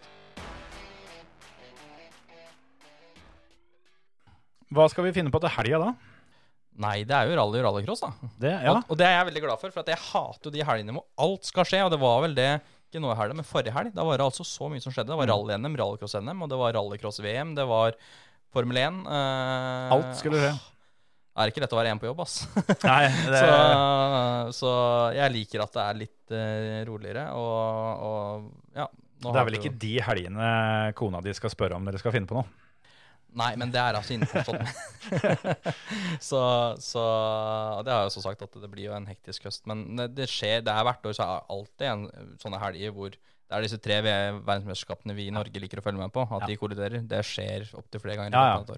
Og en vanlig sesong òg, så jeg vet ikke hvor mange Formel 1-løp er det. Er det noen og 20 løp vanligvis? De skulle jo egentlig ha 22 i år. Ja, og da, det, det sier seg sjøl at det er ikke så mange helgene igjen, da, hvis de, hvis de skal prøve å synkronisere kalenderet, sånn at det ikke det, ikke det kolliderer. Nei, ut, utenom ferier er det annenhver helg. Ja, ja. ikke sant? Men eh, ja, det er eh, VRC og VM i rallycross til helga. Det, det blir moro. Nå har jo, um, nå har Du jo få sladda litt. Ja, ikke sant? Ja. Det, jeg så Twitter-kontoen til VM i rallycross var ute og, og kommenterte Pierre Gasly at uh, det er ikke sånn vi kjører, eller, kjører alternativspor. Når, han var litt uh, ute i, ute i Ja. den der pløksla der sånn. Ja. Så nå har jo dem hatt fri. Rallycrossen uh, de har vært gjennom to doble helger, vel. Mm. Høljes og um, Finland. Jeg prøvde å komme på den der finske Kov Kovola. Den som eh, betydde rovdyr. Er det det det betyr? Ja? Ja, det, det, ja det, det var forklart med at det betyr bjørn, og det betyr ulv. Og det, liksom, så jeg bare kom fram til at det er, Ja. alt som er farlig og kan, eh, kan ta livet av deg i skauen, det Jeg tipper det er mer er- bjørn og ulv rundt Høljes. Men eh, Antageligvis. Ja. Ja, der er det mye rart, sikkert. Ja, det vil jeg skauene. Sikkert Ja. en og annen nordmann som har vært igjen. sikkert, noen, sikkert noen som er igjen fra 2018, tenker jeg. ja, ja. Nei, så nå skal de til Riga. Uh, kjøre dobbeltløp igjen. Det, Åssen syns du det formatet funker, da? Det syns jeg er egentlig litt ålreit. Ja. Um, vi trenger egentlig ikke fire omganger. sånn, Nei. jeg syns det går fint, uh, men det er klart det er veldig lite rom for supportklasser. Mm. Det, det er det når man har et så kompakt helg, men, men jeg syns det er greit. Det er um, mer å kjempe om, og, og det er litt rart å tenke på at sesongen snart er halvkjørt. Ja, de har jo så vidt Eh, begynt. Så, så um, det kan de absolutt ta lærdom av, og se om man kan bruke dette til noe mer, eh, mer videre. Det jeg savner i rallycross, som Altså, altså Et sånt format jeg ser for meg som kunne vært gøy eh, Det er litt vi som har vokst opp med gamle rallycross-skolen. Vi, vi hadde jo gamle tikjøringa i, mm. i, rallycross, med Ja. at man hadde en kvalifisering Ja. som satte griden. Og det er sånn kult med tilfeldigheter i Q1 og sånne ting, det er ikke det, men hvor kult hadde det ikke vært å hatt én flying lap? Altså hver fører har ett forsøk på seg fra startplata, ikke Mm. noe oppvarmingsrunde. Én flying lap. Den setter griden. Mm. Litt sånn som i Formel 1. Mm. Uh, nå har jeg ikke målt for lang tid det tar, men jeg kunne gjerne sett for meg at, uh, at Q1 settes av en, en kvalifisering. Mm. Ved at man har én runde på seg. Den tida setter, setter det. Og da, for da blir det også spenning, for her er det jo snakk om hundredeler på, på de beste førerne. Eh, ja, Det har jeg liksom tenkt tanken på. Da må du jo lage et system som deler ut litt poeng òg, da. For det, hvis ikke så vil det jo være bra å, å på en måte tanke den eh, kvalen for å få kjøre sammen med dem som ikke kjører så fort uh, i Q1. Det, er alltid det kan alltid spekuleres i sånne ting, selvfølgelig. Men, så, så selvfølgelig, det blir opp til taktikk og strategi. Men jeg tenker på underholdnings- og spenningsverdien. Ja, ja.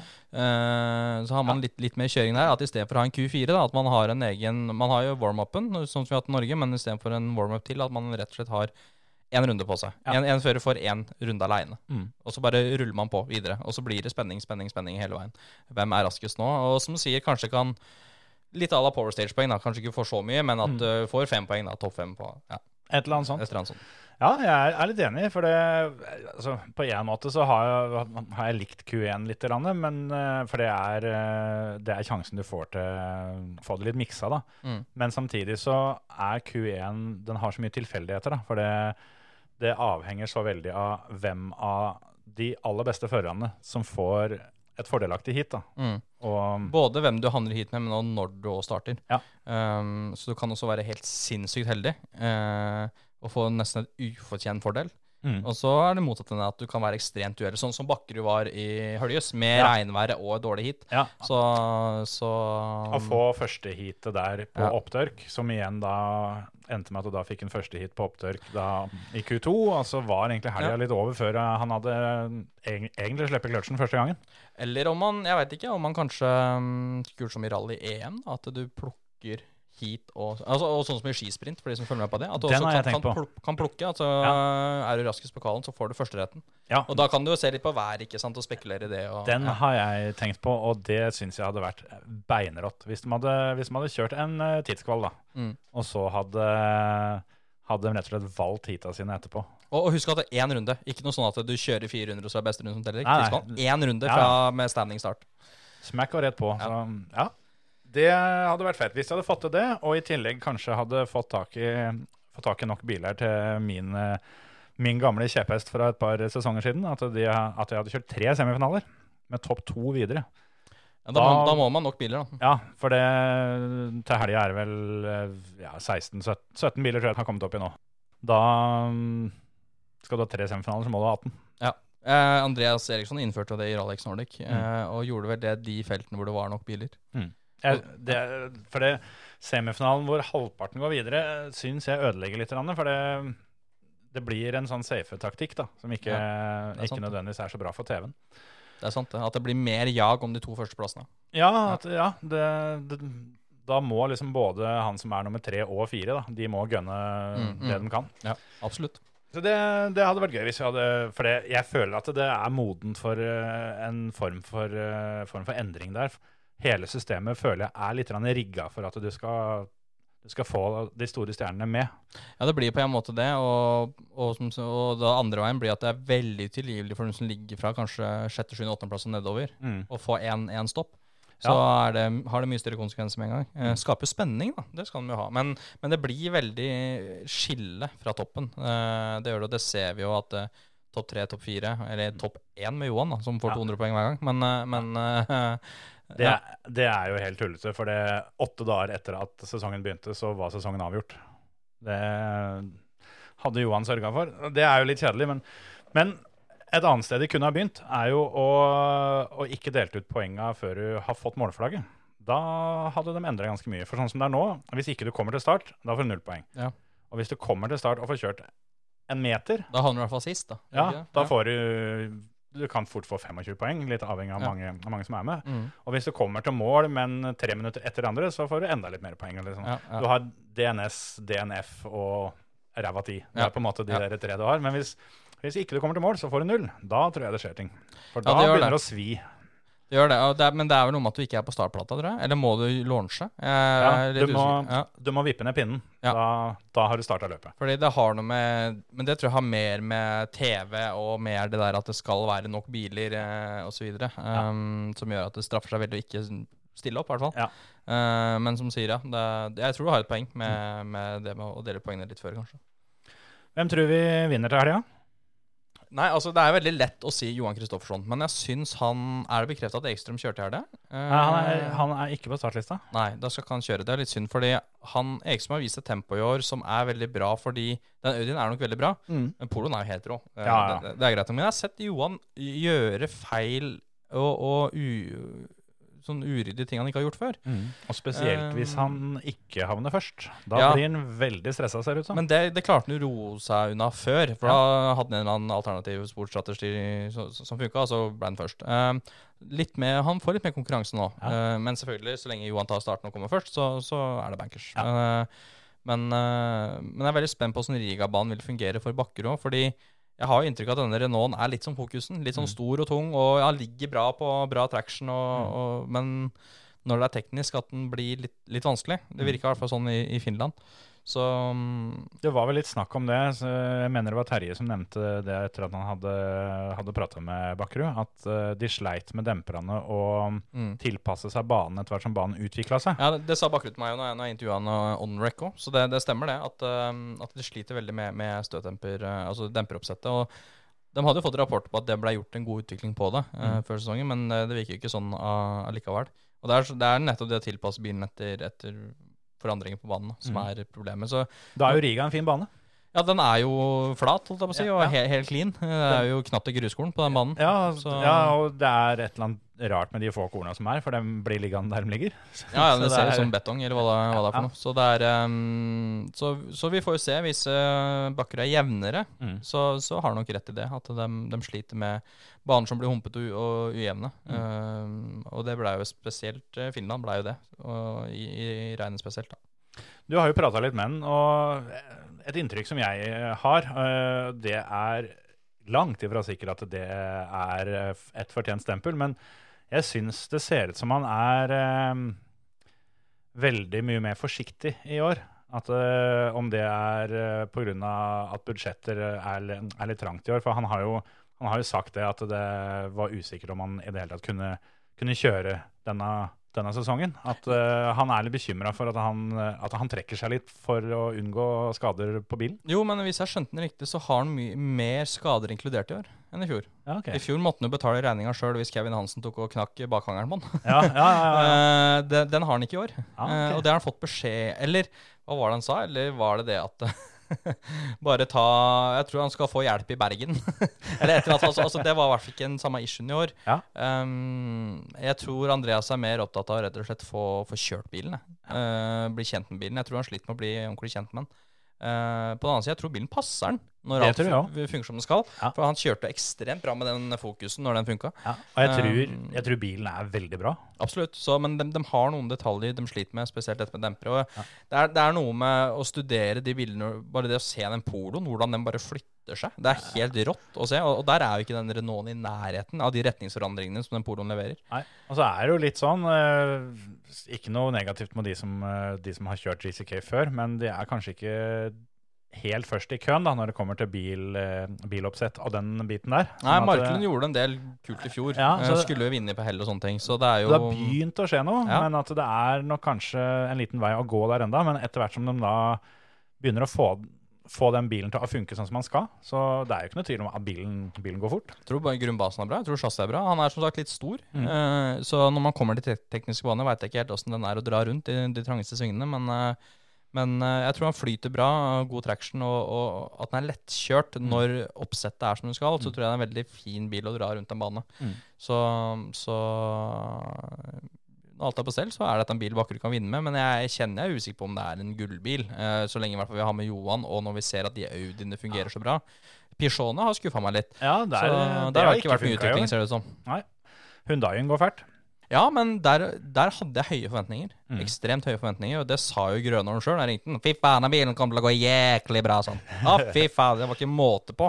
Han, og det er første gang jeg hører en teamsjef altså, skru opp forventningene på en bil. Han var helt i hundre, han, hvor bra den bilen her kommer til å bli, spesielt med dempere.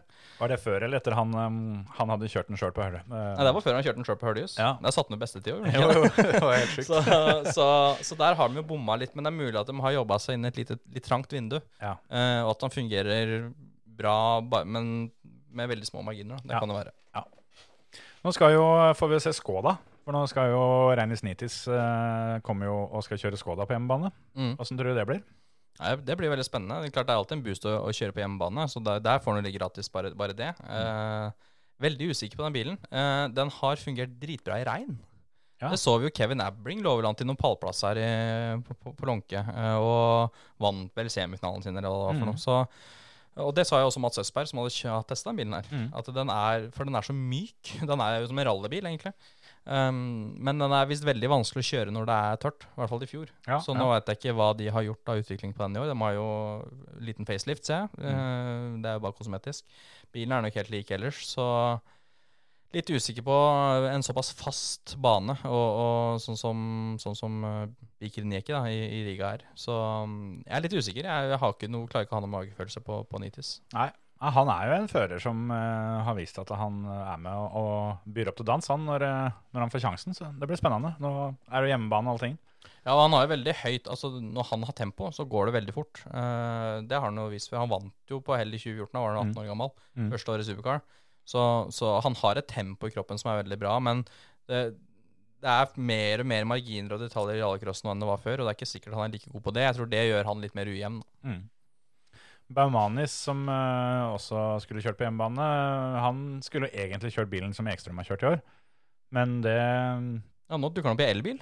Ja, Ja. nå kommer han med elbil isteden. Og det trodde vel kanskje du også, som meg, at det var fordi Ekstrøm hadde bestemt seg for å kjøre full sesong. Eh, Men nå ser det jo ikke sånn ut allikevel. Nei, jeg har ikke helt koll på hva som er greia der, men det kan jo være en god gammel en at Bøhmanes ikke fikk den sponsoren han skulle ha. Ja, absolutt. Eh, og, og Cube eller JC Race Technic er jo et privatdrevet svensk team. Mm. Eh, ikke veldig mange ansatte her. Det er helt utrolig det, egentlig det teamet får til. Så jeg skjønner at de er avhengig av at førerne har med seg budsjettet inn. Ja, ja. Um, så da setter man hardt mot hardt. Og hvis, man ikke, hvis en fører ikke kan garantere for en sum, så, så må de la det passere. Ekstrøm er ikke noe problem. Han har noe, nok, nok å bidra med hvis han vraker en bil, han. Så Ja. det er jo bilene hans, strengt tatt, så, så, som de bare leier. Så, så det er greit nok. Eh, men uh, ja, Bøhmanen skal kjøre den bilen som Mats Østberg egentlig skulle kjøre i Høljes. Mm. Og nå krasjer jo da løpet i helga nå med Tyrkia. Så ellers så vil jeg tro at Mats skulle kjørt nå. Jeg så Cyril Raymonden også skulle kjøre en, eh, en sånn bil. En sånn C3 elbil. Ja, nå bommer jeg kanskje. Det var Cyril kanskje skulle kjøre en setere enn det. Jeg var bygd igjen han. Så da er det vel Ja, en sånn vanlig okay, Ford. ja. Ja, det er jeg som blinkser. Da er det en vanlig Ford, um, Ford som Bøhmanen skal kjøre. Han har jo kjørt for Start før, i, Stemmer. så han har jo kontakter der. Så overrasker meg ikke om han får kjøre den gratis. For den må jo, må jo markedsføre den bilen. nå. Det tenkte jeg òg, og spesielt med tanke på hvor dette løpet er. Han er jo en rimelig stor eh, stjerne, Baumanes, når han eh, er på, er på hjemmebane. Absolutt. Den er, ser jo ut til å få litt fotfeste, denne Project E, eh, elbilklassen. Ja, Eh, Jeg, jeg har trua, veldig trua på den. Men jeg syns uh, det er altså IMG eller hvem Det er noen som har driti seg ut der. ja. Fordi jeg tenker at det var veldig feil å stille opp som et mesterskap. Altså, et, eh, altså Det blei jo markedsført eh, TV-dekka som er et, eh, en vanlig supportklasse, med tre førere som ikke kan kjøre den bilen her. Ja. Selv ikke Ken Block. Og klart Man kan jo mene mye om Ken Block, men han, han kan kontrollere en bil. Ja. Det kan han. Eh, og han sleit voldsomt med den, med den bilen. Han derre Nowboyer eller hva han het, han andre fyren som jeg aldri har hørt om før, han, og, han kjørte egentlig fortere enn den, faktisk. Men den var så langt bak på rundetid. Men jeg veit at Manfred Stoll har vunnet med den bilen her i Ungarn mot Ja. andre vanlige supercar-spiller. Jeg hørte noe snakk om det at de har stilt den inn omtrent sånn at det er bevisst. da, At den skal være på ca. tiende til, eh, til, eh, til vanlig supercar, men at han har mer inne. da. Ja, men når du er tre sekunder bak på runden i Hølje, så er det noe gærent, da. Jo, men, men, det kan jo igjen komme på at, at bilen ikke var spesielt kjørbar. da. Ja, og så tror jeg ikke han har testa nok Altså, Denne her er blitt utvikla på Greinbakk i Østerrike. Det er en gokartbane i praksis. Eh, så, så denne bilen her er jo ikke testa nok på andre konvensjonelle rallycrossbaner. Og da Altså, Det er ikke bare å klikke om noen dempere, så er oppsettet ordna, liksom. Nei, det er ikke det. Så, så jeg jeg syns for deres egen del at de kunne testa bilen mer, fått mer fleksibel oppsettvindu på den, Ja. og fått inn noen sjåfører som bevis Som har veldig god CV i rallycross, som, Ja. du, som du på en måte har tillit til kan kjøre fort med bil. Og da, da kan vi se hva den Project E-bilen er god for. Ja, Burde kommet med et litt mer ferdig produkt, da. Daniel Holten skulle kjørt. Ja. han, han, kan, han har kjørt en Absolutt. bil mye. Han, eh, men det var nok noen koronaregler som, og karantenebestemmelser som gjorde at han ikke kjørte. Ja. Eh, Holten skulle vi hatt det. Han er jeg helt sikker på ville utfordra supercars-tidene. Ja, For det er jo ikke til å stikke under en stol at uh, jeg tror fort Ken Block hadde vært et, uh, et sekund eller to bak med en supercar òg. Det hadde nok vært. Men han, han sa jo sjøl han var jo halvannet sekund bak supercar-Stine på, på når han kjørte test der. Ja. Det, det var han. Så det var nok det, igjen, det kan være det samme som Bakkerud sliter med, at det var en baneutvikling som Mm. da gjorde at bilen ble enda verre å kjøre på grusen spesielt. Ja. Det kan være. Det blir spennende framover, for nå er det jo da flere og flere førere som, eh, som skal kjøre denne bilen. Så det er jo tydelig eh, Altså det har jo ikke vært noe hemmelighet at det er noe det blir satsa på fra ganske mange hold. Så Ja, ja. det blir spennende å se hvordan det utvikler seg i kanskje allerede neste sesong. Ja, absolutt. Jeg bare håper det kommer flere biler på plass. Eh, Mm. Jeg hadde et intervju med han, han sjefen for det. Jeg møtte ham på Autosportmessa i januar, og han sa at det er det, er, skal ikke stoppe interessen for førere. Nei. Men det er ikke team som tør, egentlig, å, Hoppe i det, å hoppe i der. ja. Om det er mangel på kunnskap, om de ikke tror på det, jeg vet ikke. Men det er veldig lite interesse fra team til å kjøpe bilene og, Mm. og drifte bilene. Og, og Start har heller ikke lov til å drifte bilene. Eh, fordi de er en enhetsleverandør, så de kan ikke stille et eget team. Så, så det er utfordringen, at de har ikke klart å engasjere nok team til å Ja. få kjøpt disse bilene. Eh, det sies at kittet skal være veldig lett å sette inn i en supercar. også. Ja, det er jo det de har sagt, at uh, du kan putte det på omtrent hvilken som helst bil du vil, og at det ikke er en kjempesvær operasjon. da. Så- Nei, i utgangspunktet ikke. Du må ha noen CAD-tegninger og må nok eh, kappe litt med vinkelsliperen eh, her og der. Men, uh, Det er bare gøy. Ja da, så, så, men det er, hokus pokus, det er ikke noe hokus pokus, det. Så, men, jeg, men jeg vil like å se det også, for jeg, vi trenger å se at det fungerer også, for å få trua på det. Så jeg håper at det er en som har et eller annet supercar-chassis og som tar sjansen. da. Det er mulig Start burde sponsa det eh, for å vise at det funker. da. Ja, for å um, gi det en litt mer flying start her. Det, Mm. det hadde vært gøy. Det blir i hvert fall artig å se. Nå er det Baumanis og Cyril Raymond. Jeg vet ikke, Kommer Ken Block tilbake og sånt òg, eller? Er det Ja, kanskje, jeg vet nå, Jeg har ikke sjekket Dårlig research før opptak nå, men jeg har ikke, jeg har ikke sett startlista til helga. Så Nei, jeg har bare sett på Supercar, eh, bare for å bekrefte at Mathias Ekstrøm ikke sto der. Så um, det, det gjør jo det. At det, da er sto det ikke en TBA på den ene Audien? eh, Når jeg var inne og så i stad, så hadde det økt fra 16 til 17 navn. Men da var det, da var det 17 navn.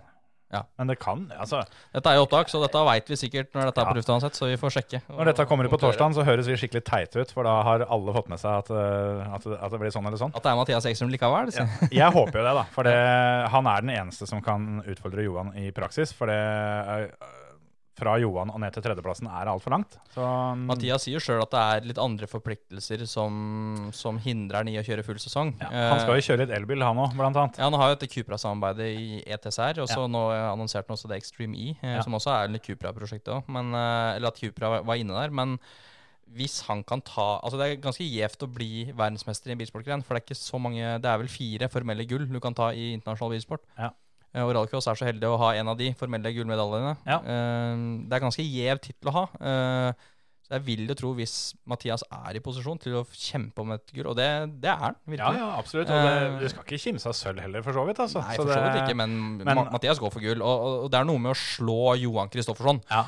Det, det vil være ganske gjevt gull, det. Så jeg håper jo da at Cupra tenker som så at vi får lette litt på sløret i enkelte løp. Det er ikke så mange helger de skal kjøre. Det er jo fire helger til, så. Det er jo bra for statusen deres òg. Og, og jeg sjekka ut ifra hva jeg fant da, på den TCR, eller ETCR, da, så er det jo stort sett bare showløp. Det er ett eh, ett ordentlig løp igjen. Eh, det går jo selvfølgelig samtidig som eh, en VM-runde i, i rallycross. Men det er, det er bare ett rallycrossløp da, som, Som krasjer. som, eh, som kolliderer. Og da det er litt sånn, sånn som du sier, da. Jeg tenker også det. da. At, eh, og hvis Ekstrøm vil, det er greit at eh, han får noe ganske bra betalt for dette Cupra-opplegget, men jeg tror eh, han får det til hvis han vil, da. Jeg tror ikke han står over e Hvis det er én runde om å gjøre, Ja. med potensielt eh, VM-gull, så tror jeg han eh, trykker på noen knapper og Ja. får fiksa det. Så vi får krysse fingra. Det kan jo være òg at um, Igjen, dette blir opptak, men hvis Mathias kjører til helga, så er det helt bevisst at de venter med det. Ja. uh, til um, Jeg tenker også sånn. Hvis han stiller til start i helga, så blir det full sesong. Hvis han ikke stiller til start, så da har han jo tatt, tatt avgjørelsen. Ja, da har nok det. Så vi får krysse fingra for spenningen i mesterskapet, at Mathias stiller opp. Absolutt. Det, det blir gøy. Så får vi håpe at det blir eh, nok et bra løp. Det, mm, vi har jo fått, eh, vi har fått mye bra løp. Og Bakkerud har gjort det litt bedre gang for gang, så kanskje han eh, får, eh, får gjennomført nå. Kanskje til og med Liam klarer å få noen mål for deg. Oh, Stakkars fyr. Han har vel er da 24 hit, så har han fullført to? Eller hva det er for noe? Jeg vet ikke. Det Han hadde, han hadde i hvert fall av, av de første tolv heata, så tror jeg det var syv eller åtte heat hvor han hadde brutt i ledelse pga. biltrøbbel. Ja, ikke sant. Og, men Andreas eh, la ikke skjul på at han er veldig brutal med bilen nå. Han Ja, er ja. ikke like snill som, det Andreas er. Men det kan jo være at den bilen ikke har blitt så hardt kjørt tidligere. At det er Liam som må sprenge grensene på Jeg- bilen. Tror vel eh, at GCK skal være litt takknemlig òg, for han eh, får jo stresstesta dette her på en helt annen måte. da. Absolutt. Så, så det, Han klipper curbser og kaster bilen inn overalt, Ja. og det, det får kjørt seg, de delene. Så, så Det er nok derfor jeg tror ikke Liam Han virker ikke så bitter heller. Altså, jeg, jeg trodde han skulle være mer bitter og, og, og forbanna. jeg hadde også tenkt det. Ja. Han sa jo det, at eh, jeg har ikke tenkt å gi meg enda. Dette her eh, er sånt som skjer. Vi, eh, vi prøver igjen. Sånn som skjer for 73. gangen, så Ja. smeller det et eller annet som ikke nødvendigvis er hans feil heller, for så vidt. Men, men ja, nei, det nei, Det der har vi jo, har vi jo snakka om på podkasten før òg, det, med- det med Liam. At uh, hver enkelt, enkelt situasjon med han, så kan det se ut som at ikke det er hans feil. Men når du er med i hver eneste en av dem, så på et eller annet tidspunkt så må du liksom innse at det, kanskje det er meg det er noe gærent med. da. er den klassiske med racingførere som liksom blir påkjørt hele jævla tida. Ja, Og, og jeg blir påkjørt, ja, men eh, de, beste, de, beste blir, ja, de beste blir aldri påkjørt. det er en kunst, det, og det har jeg for så vidt erfart i iRacing, og det skal ikke lenger enn til din egen PC at, eh, at eh, det er en ferdighet å holde seg unna trøbbel. Ja, ja, ja, ja, ja absolutt. Så uansett hvor lite skyld det er at du havner i trøbbel, så finnes det også ferdigheter som gjør at du kan unngå det trøbbelet. Ja, ja, ja. Det er det ingen som helst tvil om. Men de som slipper å bli påkjørt så mye, det er jo de gutta som skal kjøre VM-rally til helga. Ja, det var fin overgang. Ja, det er- den var jeg faktisk fornøyd med. Den var sterk. Ja, den var, ble god og varm. Dette, var, dette var fint. For dem, dem kjører jo stort sett eh, bare én og én bil. Det hender jo det går gærent her òg, men eh, der er det ikke så mange påmeldt. Det er en litt tynnere startliste. Pleier å være det Tyrkia. Oliver skal ikke kjøre. Nei, Det har de ikke råd til. Jeg snakka med Petter i går. Eh, de, de har ikke råd til å, til å voldta den bilen. Nei, for jeg tenkte også det, det er jo noe jeg ikke hadde sett for meg skulle være en årsak til at Oliver ikke skulle kjøre løp. At det var lommeboka som stoppa. Men Nei, det, eh, det er to årsaker. Noen tror at de øser av seg med penger. Eh, De er nok litt mer edruelige enn som så. Pernilla der, hun, er, eh, hun holder på, på pengepungen, altså. ja, ja. Så, så de, klart de, de bruker de ressursene de har tilgjengelig, det er ikke det, men ikke unødvendig. Og, og, og de ser på Tyrkia som en unødvendig løp å kjøre. Det hadde nok vært en fin erfaring, men det går på bekostning av mye annen erfaring Oliver kan skaffe seg i år. Og så er det noe med at Tyrkia har vel ikke helt livets rett for framtida i VRC heller. Det er veldig usikkert på framtida. Det tenkte jeg litt på. Oliver har ikke noe igjen for å lære seg de prøvene, med den kostnaden det er for å ødelegge bilen så mye. Um, så det er jo da primært årsaken til at han ikke stiller til start her. Så har han jo nylig gått ut og sagt at han skal satse på EM-tittelen i år òg. Og det å spille jo inn, da Det er mye asfalt igjen. Jeg tror det bare, nesten bare er asfalt. Mm, I, ja. i EM. Og det har aldri vært en ulempe å trene på asfalt når det er nordboer. Eh, vi er ikke akkurat laga for å kjøre på asfalt i, i rallyvis, så det, det er jo veldig lurt at vi gjør det. Og han kan jo slumpe inn en eller annen medalje der, han. Det, Ja, ja. Og, det tar, og, og det jo tror jeg vil øke statusen på EM. Ved at Oliver og, og Petro snakker veldig varmt med EM nå. EM har jo hatt en litt sånn perifer status for oss i Norge. Ja, det har vært et sånt løp som du Det har vært ganske mange som har vært eh, forholdsvis eh, Forholdsvis OK rallyentusiaster som ikke har fått med seg at det har vært kjørt EM-løp forrige helg. Men, eksempel, men sånn det toppnivået i EM, det er bra, altså. Ja, ja, det er absolutt. der. Og, det å slå Lukianik og var det han Ingram som vant der i fjor, og, og de gutta der eh, Jeg mener han derre Kajetanovic eller heter, og har kjørt en del EM. Er, ikke, det er ikke noe dårlig tempo, og, og fint sted å utvikle seg, absolutt. Så det at eh, Solberg eh, nå velger å kikke den veien, det Mm. tror jeg kan også øke statusen ved å delta i EM. Men jeg- eh, ja. Jeg vet ikke åssen det endte nå som sesongen ble litt rar, men uh, når sesongen begynte, så var det også snakk om at Craig Breen skulle kjøre full uh, EM-sesong i år. Ja, det er vel den derre MRF-dealen, er det ikke det? Uh, med skal kjøre en Hundai og så blanda MRF. Ja. Eh, uh, ja, blei det? Eh, Han kjørte ganske fort i Estland, så vi, så Ja han er jo absolutt en mann å bryne seg på. absolutt. Så, så nei, det, jeg vil jo tro at um, Han kjørte vel Lipa, ja, gjorde han ikke det? Uh, Jeg er faktisk ikke sikker. Nei, jeg husker jeg gikk litt i surr, men, eh, men eh, jeg mener det at Blien er med på å, å trekke opp det nivået Ja. der. Så, men det var jo egentlig VM vi snakka om, og det er klart det er um, Ja, Oliver velger å avstå fra Tyrkia, og jeg tror, jeg tror det er lurt, det. Eh, faktisk. Han har, han har ikke noe bevis i VM år. Han har jo vunnet allerede Ja, ja. i, i Estland, så. Ja, det, det, det, det var rett og slett uh, ordentlig rått, det, det han leverte der. Men uh, det er jo ikke bare han som ikke skal kjøre, for det Mats uh, skal ikke kjøre, Veiby skal ikke kjøre. Ja, det er for dyrt løp, da. Og, og, og greia er i VRC2 har blitt innskrenka nå til maks fem løp de kan kjøre. Ja, Det var en regel på um, Var det sju pluss én? Sju europeiske. Altså alle europeiske, mener jeg. Pluss enten Du må velge enten Mexico eller, eller Japan. Ja. Nå røyker jo Japan. Eh, og Veiby har, og en del andre har jo allerede kjørt Mexico. Mats har ikke kjørt Mexico. Mm. Nei. Så da var jeg veldig spent på hvordan skal vi gjøre dette rettferdig. ja, for det tenkte jeg litt på. At uh, jeg kunne jo skjønt at uh, For Veiby hadde vel kjørt alle, tror jeg, fram til nå. Han, ja, han har kjørt fire løp, ja. Ja. Så han har bare én igjen. Og det er tre, tre løp til. Så, så Veiby kommer til å kjøre enten Sardinia eller um, Ypres i Belgia. Ja. Jeg tipper han går for Ypres, Mm. fordi han har kjørt der før. Og jeg tror han òg Han er ikke så dårlig til å kjøre på asfalt, Ole Kristian. Hatt, Nei, en, hatt en uheldig sesong i år, men men øh, å kunne kjenne veiene litt, og jeg tror den Hundaien og Det er mulig de har en jobb å gjøre på asfalt, og den har kommet seg bra på grus nå. Mm. Men jeg tipper Ole kjører Ypre. Ja. Mats har vel to løp til å gå på, så da velger jo han da Sardinia og Ypre. Ja. Så det er jo Det er såpass stor risk for å bryte i Tyrkia. Mm. Eh, men Det- E- Eivind skal jo kjøre. Det- det, kan være kult, for at eh, jeg skrev en sak forrige uke om at Eivind kan jo faktisk ta medalje. han. Ja. Og Han har jo alle løpa igjen. Ja, ja, det er jo en, Så tar han en 25-penger nå, vet du, så er jo han helt med, han. Det er jo, det er jo helt uh, eventyr for hans del. For det, uh, jeg tenkte jo først det. Hvorfor i all verden har han meldt seg på i Tor-klassen? VC2-klassen? Og det er jo Toksport da, som har team der. Ja. De har jo betalt den der jævlig dyre avgifta for å Ja, være, med, være med der. Det var jo det jeg og skjønte etter hvert. At Ja. det er vel sikkert For han kjører samme team som Pontus og Meninga var at Pontus skulle kjempe om VRC2-gull, og Ja. Eivind skulle kjempe om EM-gull. Det var jo taktikken til Ja. Toksport. Og så var- blei det vanskeligere for de å satse på EM pga. koronagreier. Ja. Um, og så er jo også Tyrkia er jo hjemmebane. Toksport er jo tyrkisk. Det Så det er jo er jo viktig. Det er Mm. viktig. Absolutt. Så det er jo tre påmeldte.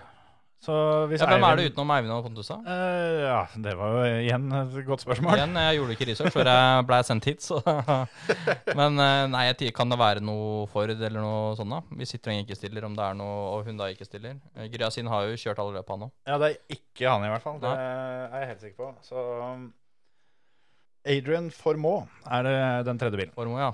Uh, Kjører jo fort, han for så vidt, men uh, Ja, men den, den Forden skal ikke kimse av på. Hvis den er solid nok, så er den veldig bra visstnok på um, de tekniske veier. Den har så bra bunndrag, så den, den drar så godt ut av, ut av svingene. så er jo, Så, er jo ja. Tyrkia et hardt løp, som du sier. Så det er jo ingen, eh, ingen garanti for at alle, alle kommer til mål her. Du du vet at Formoe har begynt med rally i 2017? Å ja. Han er ganske fersk. Nei, så det er egentlig helt rått, det han gjør. Uh, han begynner, han, eh, jeg tipper går opp på EVRC. Tipper jeg du finner eh, Jeg mener det er 2017. Han uh, kjørte sitt aller første rallyløp med noen tohjulstrekker. Um, Det stemmer faktisk. Ja. Han uh, kjørte med en Ford Fiesta R2 Ja. i noen, noen få løp i 2017. Og så kjørte han R2 mesteparten av 2018. Ja. Hadde ett løp med R5-en på tampen av året, og Mm. Og så var vi der. så eh, vi snakker høydemeter på den progresjonskurven her. Ja, altså. så, så, og det er nok ingen fordel å komme til Tyrkia og kanskje ikke helt vite hva det går til. I tillegg bytta kartleser hvert år, ser jeg. Så Ja, det, det er konsekvent og fint. så, Imponerende. Så hvis Eivind klarer å bruke sin erfaring, og Pontus er ikke noe urutinert type han heller, Nei. så og, men Nå vil jeg tro at Toksport blir jevnt mellom de. Vil nok Toksport eh, sende Pontus eh, over eh, Eivind. Eh, men det hadde vært gøy med 25 poenger til Eivind, og så plutselig er han med i, i medaljekampen. han. Ja, Det er vel eh, noe du sier at det kan jo risikere det. At hvis eh, dem to ligger i én og to, så kan det være at Eivind får beskjed om at eh, du må nok ta til takke med andreplassen. Men det viser jo igjen at det er litt parodi åssen de deler opp til den R5-klassen. Altså Når jeg skriver om det her, så, så rangerer jeg først etter R5. Ja. Og det gjør egentlig førerne. Og Mats Østberg sammenligner seg med de beste VRC3-førerne. Det er, jo, det er jo åpenbart, eh, sånn som for Mats sin del, han må jo selvfølgelig poengtere at eh, det ble klasseseier og alt det der sånn, men eh, han er ganske flink til å alltid få med også det at totalen, åssen dette her gikk Ja, og, og det skal han ha, for det er veldig greit å gjemme seg bak Ja. eh, en, en eller annen kategoriseier. Ja, Eh, ja. Vi har noen eksempler på det i, i norsk bilsport òg, skal ikke nevne noen navn rundt omkring. Men jeg syns det er veldig ofte at eh, sånn som i, Nå skal jeg ikke heller ikke drite ut nasjonalklassen i rally, men vi har jo tross alt klasse 10 og klasse 11. Ja. Eh, og det er klart, eh, opp igjennom tidligere så har jeg jo alltids eh, Og det gjelder for så vidt uh, tohjulstrekkerklassen òg. Da har vi både gamle Ja, ja. gruppe 1-klassen, altså Fiesta STN og R2-ene. Og jeg fikk jo kjeft i en lokalavis her at jeg hadde glemt å nevne at en eller annen vant klassen sin. Og så ja vel, ja, han var jo raskest i Fiesta ST. Ja, han ble nummer fem da i NM-klassen. så, så det er veldig lett å gjemme seg bak dem, men Mats skal ha for at han nå drar fram hvor han faktisk havner i R5. Ja. Og han har vel, i hvert fall der det har vært del, del, deltakelse, tror jeg han har blitt slått av en VRC3-fører i hvert løp. Ja, han blei vel Det var noen franskmenn som kom foran vel i Frankrike, eller i Monte Carlo, og i Sverige var vel Var det ikke han der finne? Eh, ikke Han han, Peter inn, eller hva han het. Eh, en av disse var dritraske der. Eh, og så, ja. Og nå ble han frakjørt av Oliver eh, i Estland. Ja. Så Men jeg skjønner at det er veldig vanskelig å sette reglement, for som, det skal, som regel er det disse fabrikksbacka R5-bilene som er raskest. Sånn har det vært før. Men det er jo, Mm. jeg har tenkt at det er litt rart, fordi ettersom jeg har tolka uttalelsene til FIA før, så, så er VRC-klassen det er fabrikksklassen nå. Og den skal da ikke være like tilgjengelig for de, de som kjører privat, da. For der skal på en måte R5 skal være, Mm. være nasjonal toppklasse, alt det der er Mm. sånn. Men da syns jeg det er litt rart at de skal dele opp R5 også til en egen fabrikksklasse der også, når det er hele poenget med VRC. Det kan jo være nettopp at det er noen private førere i R5 som gjør det veldig bra, men de kommer til kort på test og utvikling, f.eks. Ja. altså Mats tester ekstremt mye med Mm. Citroën. Han har jo noen fordeler der som ingen andre privatførere har.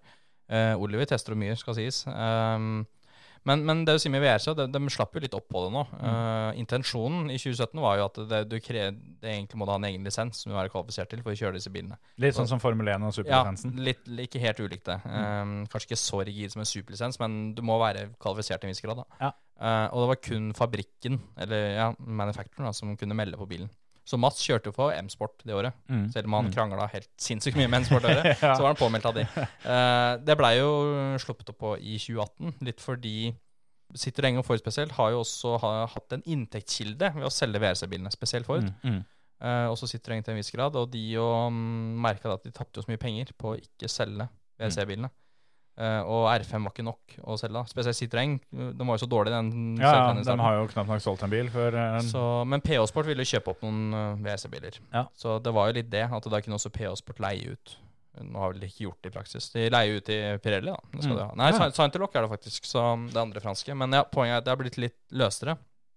Men det er så dyrt i bilen at det hjelper. Så, og vi så jo på sesongen til Mats i 2017 at det, det blei for vanskelig å drifte privat uansett.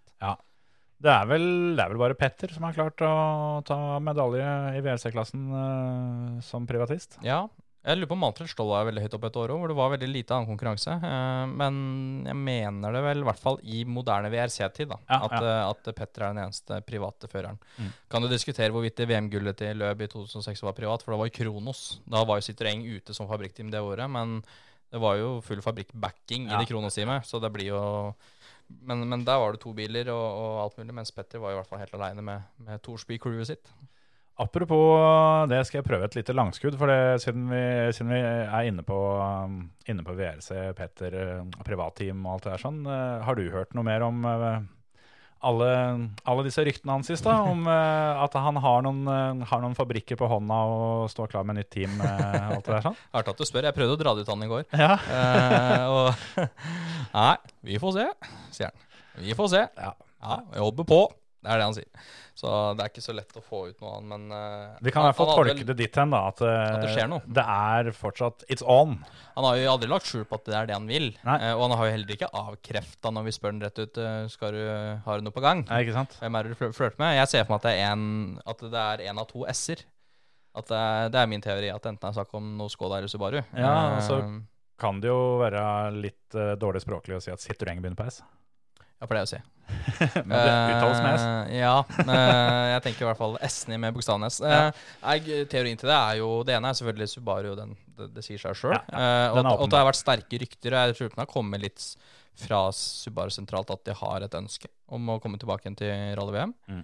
Veldig unaturlig hvis de ikke snakker med Petter om det. Og Petter har også vært i Japan, han ble feira der i fjor, og, og de tingene der. Og, og akkurat de dagene han var der nede, var, var veldig lite representert på denne TV-serien deres. Ja, Eh, veldig- eh, rart det der. Ja, ja, så Merkelig opplegg. så jeg, jeg, jeg har tenkt uh, samme Ja. retning. Og, og grunnen til Skoda er fordi altså er ikke, jeg skjønner ikke hva Fia holder på med, men eh, vi veit ikke åssen de bilene skal bli i 2022. Nei. Nei. Og da intervjua Tommy Mekna, var jo så forbanna. Han reiv seg og bare Ja, vi veit ingenting. Vi kan ikke bygge bil, vi nå. vi vi veit ikke hva vi skal bygge. Eh, Og de har jo halvannet år på seg. Ja. Eh, Men, men det er jo snakk om at det reglementet skal bli litt med base i R5. Ja. Litt sånn som det ble i 2011, vet du. Så var det litt med base i S2000, ikke sant. Ja. Man bruker eh, etablert eh, utvikling eh, som grunnsjassi, og så blir det liksom fetere vinger og litt sterkere motor og sånn. Men, men der har jo Skoda gjort det veldig bra. De har en veldig god base i Fabian, Mm. og, og veldig gode erfaringer og, og, og kunnskap på det. Så, så og det er jo, Så er jo Oliver uh... Oliver er der allerede, så det kan jo være Skoda sin måte å komme inn i Solberg. Ja. Men, men eh, hvis jeg kjenner Petter rett, hvis han skal rønne team, hvis han skal være teamsjef, så skal det være en base i Torsby. Han skal bruke sine folk, han skal bestemme. Petter hater politikk. Så det er jo det, det er en, en potensielt utfordring når Petter skal bli en fabrikksjef, da, Ja. som han har ambisjoner om. Mm. Ja, og, og Pernilla må vi jo ta med her og. Pernilla, ikke Absolutt. minst. For jeg tror hun ja. savner det der litt. Ja, ja, og, og det er hun som har kontroll på det Ja, ja. Eh, Petter bare prater, holdt jeg på å si. Eller ikke for det, det er veldig verdifullt det han prater om. Men, men hun, hun styrer mye, selvfølgelig. Og når det da kommer politikk fra internasjonale bilkonsern, Mm. så kan det fort gå på akkord med en del ting Petter står for. Så, så det blir jo spennende å se hvordan, hvordan det klareres på forhånd. Mm. Eh, jeg veit jo det at eh, i Skoda Oliver kjørte bra med Skodaen i, i Sverige. Mm. Um, og han nå tester også med Skoda fortsatt. Uh, og det er klart at um, Oliver er glad for å kjøre, han, men Petter sier ifra. Mm. Hvis det, den bilen oppfører seg feil, så sier han ifra rett ut. Ja, Vi så jo det, åssen det var med Subaru borti Statene, hvor Ja, ja. teamet fikk ganske klar beskjed om at hvis ikke Ja. dere, dere fikser dette, Ja. så fikser jeg det. Så, og, og, det, og det må øh, fabrikanter helt opp i konsernledelse eh, veie veldig tungt når, hvis de skal inngå i samarbeid med Petter. Men jeg har veldig tro på at Petter får det til. Men da må han også få lov til å gjøre som han vil. Ja, og det tror jeg er et ganske absolutt krav fra Petters side. Ja, det det funka bra med Volkswagen da, Ja. i, i rallycross. Det var jo Petter styrte mye der, altså. Mm. Det, Men, det gjorde han. men der var det vel, i hvert fall utad, så var det vel Petters team som var backa av Volkswagen. For det Volkswagen var jo da offisielt sett ute av alt mulig rart. Men, ja, ja, ja, eh, det var jo bare backing fra, fra Volkswagen. De brukte jo Men det var på Petters- Petters regning, kan du si. Ja. Eller, eller, eller Petters premisser, da. Ja. på, på hans premisser, og, og Volkswagen skulle ikke være inne med ei krone. Så, men de brukte selvfølgelig kompetansen. Uh, Mm. men, men man klarte å få det til å fungere. Man brukte ekstern kompetanse på en bil de har utvikla, Mm. men Petter fikk lov til å styre det. Eh, og det funka. Uh, Det ble ganske bra. det ble, ble dritbra. Det ser vi fortsatt med det Johan uh, leverer. Så at, at de lagde en base der um, som funka. Og det er greit at den bilen er utvikla i rally, og ikke måte på, men jeg tror nok Petter har gjort ganske mye med den bilen til rallycross nå, Ja. som er blitt gjort riktig. Fordi den poloen var, så vidt jeg har skjønt, da var ikke den i nærheten av farta til Citroën når de først bygde om til rallycrossbil. Ikke sant? Så, så de har gjort veldig mye riktig der, men de fikk det til eh, med å bruke folk fra fabrikken under sin ledelse. Eh, og det er ikke noe automatikk i at det fungerer. Nei, nei, absolutt ikke. Det, men det, ja, det har jo blitt en bil som, sjøl selv om man nå er noen år gammel, fortsatt uh, Den bilen blir aldri gammel. Nei, nei den, eh, det, er, det er helt sykt. Det var, Ja. det var jo litt sånn når vi fikk høre at Johan eh, skulle kjøre, så må jeg si at i hvert fall jeg for min del håper litt på at nå håper jeg virkelig Petter sitter og gnir på disse bildene sine. At Johan ikke får en av dem to poloene, da, for da blir det ikke noe moro. Denne står har vel stått i Tyskland, tror jeg. Den poloen han har nå. Nå kjører han den, eh, den som Petter kjørte siste sesong. Ja, det er den han kjører, ja. Ja. Så, Og det er vel den som Latvala vant en eller annen VM-runde med i 2014, eller noe sånt. ja, Ja. så, Så, så, men jeg hørte et rykte, men det, det stemte nok ikke det. Men jeg hørte et rykte om at Bakkerud ikke hadde lyst til å kjøre hvis Johan meldte seg på. At han ikke gadd å jage sponsorkroner. Men uh, nå, han tilbakeviste det veldig greit, da. Nei, for det, altså jeg kan jo skjønne litt tankegangen. da. Det var jo litt sånn som eh, forrige sesong, når, når alle skulle melde seg på i siste lita. Så var det litt sånn at uh, ei uke før eh, påmeldingsfristen så så det ut som at uh, her går an å bare melde seg på for å få seg et VM-gull. Mm. Og så kom den ene etter den andre, og de, liksom, alle satt bare og håpa på at vær så snill, Johan, hold deg hjemme. Ja. Altså, Han hadde jo heldigvis både rallyprosjekt og, og VTCR, da. Ja. Så, um, så det var jo greit nok. Du hører på Førermøtet, Norges beste motorsportpodkast. Nå har det gått uh, en time siden vi pratet om denne konkurransen, så jeg veit ikke hvor, uh, hvor langt du har kommet uh, der. Jeg Men har jeg, ikke tenkt et sekund på jeg har et forslag. Ja. Vi, vi prøvde nemlig noe forrige Eller for to episoder siden så prøvde vi å la publikum tippe hvem som kom til å vinne både Formel 1-løpet og VRC-løpet. Sånn at de måtte dobbelttippe. Mm. For det er nemlig en konkurranse vi har glemt å kåre en vinner på, så da skal jeg gjøre det mens du tenker ut om det er en god løsning. Ja, ikke sant? Ja, nei, men Da skal jeg tenke litt uh, hva som skjer i helga. Vi tenker noe sportslig for hva som skal skje i helga. Ja, jeg tenker jo f.eks. rallycrossen og VRC-en eller et eller annet sånt noe. Ja, ja. En, en variant der. For det konkurransen vi hadde, det var uh, VRC og Formel 1. Uh, hvorpå vi uh, gjentatte ganger sa det at hvis du, hvis du tipper Tanak og Hamilton, som er, begge var kjempefavoritter, så blir det litt kjedelig. Og um, da er det mange som kommer til å, å tippe det samme. Ja. Det var bare én som tippa det, da. Ja, Eh, Det var Steffen Skustad, og Tanak vant jo, men Hamilton ble bare nummer sju. Men det holdt jaggu til å bli eh, beste tipper eh, allikevel. For det, vi har konkludert med at uh, Jørn Arne Sørensen, som uh, tippa Bottas og Evans, som ble nummer fem og fire Mm. Fem pluss fire er ni, og én pluss sju er åtte. Så da har vi konkludert med det, at Steffen Skustad vant konkurransen. Så jeg tror jeg skal gjøre den mye enklere. ja, jeg skal bare be Steffen om å sende oss en, eh, en melding med kontaktinfo, så skal vi sende en premie. Ikke sant? Uh, jeg gjør det mye enklere. Ja, takk for det. Tipper én plassering. Ja, Hvor havner Bakkerud? Den er fin. Hvor havner eh, Andreas Bakkerud i eh, løp nummer én eller to? Å ja, det var det, ja. Ja. det var dobbelt her, det. Um, ja, nei, det tenkte jeg ikke over. Skal vi ta løp Eh, to, da, sånn at han får kjørt seg inn litt? Ja, vi kan ta løp to. Og hvis han ikke da havner i finale, så blir det jo da mm, Blir det da rett og slett hvilken plassering han får med antall VM-poeng. Det blir vanskelig å definere hvilken plass man ha- havner på i et løp eh, når man bare kommer til semi, men det Ja. blir da de poengene du får. Jeg tror de, de rangerer i hvert fall ned til topp 16, Ja. og det er bare 17 biler med. Så da blir den enten, eh, enten rangert, eller så blir den nummer 17. Så, eh, ja, men den, den er fin. Ja, da Hvor havner Bakkerud? Og hvis det er flere som tipper det samme det, og, det vil si, la oss si, vi blir nummer fire i sin semifinale. Hvis de tipper det. Han blir fire i semifinalen sin. Ja, det, den er Ja, grei. ja. Det er sant. Mm. Det er én til seks i finalen, og så nummer sju og åtte og ni og ti er ikke så lett å skille. Nei, Eventuelt plassering i semi hvis den ikke går videre. Ja, godt poeng.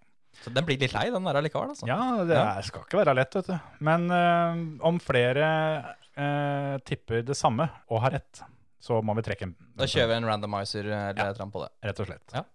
Og da skal han få et årsabonnement tilbake. Et årsabonnement? Å, fy fanken. skal få det. Jeg skal inn og tippe. Jeg fikk, jeg fikk så hyggelig reklame av deg i stad, så så lenge du ikke klipper bort den, så, så skal vi sponse et årsabonnement til den som tipper riktig. Jeg klipper bort det at du ber meg om å ikke klippe det bort, og så Ja, er det der. Ja. Nei da.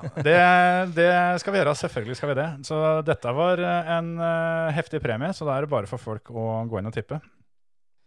Eh, vi begynner vel å nærme oss noe her, men, for nå har vi prata om eh, litt av det som har skjedd, og litt av det som skal skje. For eh, jeg hadde et lite spørsmål eh, på blokka. Og, eh, hva med din egen motorsportskarriere? Ja, hva med den? Jeg Fins den? ja, den, den gjør jo det. Ja. Eh, for det, du har jo vært kartleser i eh, en del år. Jeg har betalt lisens i øret, så jeg vil si at jeg fortsatt er. Men jeg, jeg har ikke kjørt noe løp. Nei, ok. Ja. Ja. Da slår jeg deg der. Ja. Ikke sant? Jeg har uh, fått være med på to løp i år. Ja. Ikke verst. Nei, Åssen gikk det? Nei, eh, da, da kan vi gjøre det som vi var inne på i stad. Vi gjorde det ganske bra i klassen. Ja. C-fører et eller annet der? Er Eh, det Debutant. Jo, men jeg skal ikke kimse av debutantklassen. Så nei, vi tror vi ble tredd vi, Eller for å, for å spise det enda mer, så tror jeg vi ble beste tohjulstrekker i debutantklassen i begge løpa. det var noen firehjulstrekkere foran, da. Ja, ja, ja. Ja, Så det, det får vi ta med oss. ja men det, det er stas. Nei da. Vi får håpe det blir bedre neste år. Det, poenget var å få seg denne C-lisensen. Ja, ja, det er viktig, det. Viktig å få lisens. Begynne der. Ja. Men eh, har du planer om å fortsette som kartleser neste år, eller? Det går ut fra svaret ja, siden du har løst lisensen i år. Ja, og det er jo noe med at uh, man, det at en bilsportutøver sier at den legger opp, det er bare bullshit. Det er, det er, det er, det er Du tar pause. Ja. Uh, avbrekk, uh, eller man bare reduserer antall løp man deltar på over sesonger og år. Ja, ja. Absolutt. Nei, klart jeg har jo Benjamin, som jeg er veldig takknemlig for å få lov til å være med og lese for. Og vi har jo fått mye, mye artig feedback på det vi gjør, så det, det er jo et konsept i seg sjøl. Men vi er jo veldig opptatt av det at rallykjøringa skal ikke gå utover noe annet. Nei. Og da er familie og jobb står jo over rallykjøring. Ikke sant? Uh, Uh, og så klarte jeg å finne dette huset i Larvik, som jeg flytta til nå. Så Mm. blir det litt lenger unna Østlandet. Uh, så blir litt praktisk vanskeligere å være med på notetrening og test osv. Og, så Mm. og så er det jo tida til det er vanskelig når jeg velger å jobbe sånn som jeg gjør. Uh, og når jeg fortsatt ikke har et budsjett til å leie inn folk og, og øke staben, da, Mm. Så, så må jeg også ta jobben min på alvor. Og det går jo på akkord med egen kjøring. Eh, og noe av det som folk er mest opptatt av Man kan gjerne si klikker og selger best eh, i, i Norge, utenom da internasjonal bilsport og internasjonale utøvere fra Norge, er rally-NM. Ja. Um, det vil jeg tro. og det er både mm, praktisk krevende og etisk krevende å skrive om løp man deltar i sjøl. Mm. Um, Jeg har faktisk vært etappesjef samtidig som jeg var kartleser. Ja, ikke sant? Så det, er sånn, kan jo det- være problematisk. Det, var, det, det anbefales ikke. Jeg, jeg skal ikke gjøre det. Nei. Og jeg tror kanskje ikke jeg burde sagt det høyt engang, for jeg vet ikke helt om det Jo, var nei, sånn- helt sånn- reglementert. Nei, men sånn er det. Det må vi bare akseptere i norsk bilsport. At det er lite miljø. Mange har mange ulike roller. Det blir mange hatter som kan være uheldige, men det må vi bare akseptere. Ellers så har vi ikke folk til å drive med bilsport. Så, så sånn er bilsporten. Uh, men eh, det hadde jo tatt seg Hadde jeg og Benjamin vunnet i klassen vår på Rally Hedmarken i fjor, det kunne skjedd. Mm. For vi lå an til det Mm. før drivaksjeren eh, tok i kvelden. Så, så er det Havner jeg i en problematisk situasjon etterpå. Ja, Eh, For jeg kan ikke leie inn folk til å skrive om oss. Eh, Jeg vil absolutt si redaksjonelt sett det er en god vinkling å skrive om at vi kan vinne et NM-løp, men, men eh, jeg kan ikke gjøre det. Jeg, jeg kan ikke intervjue Benjamin. Eh, Det går ikke sånn, sånn integritetsmessig. Og, og, så, men men det har, har, jeg har klart å, å, å balansere på den knivseggen der før, men det er ikke ideelt. Og, og sånn som i år at uh, året har blitt som det har blitt. Uh, Rally NM er, er veldig viktig for meg å dekke godt for å få god, god nok både, både klikk og salg i abonnement, og, og vise til gode tall for annonsører og alt det som jeg lever av. da mm.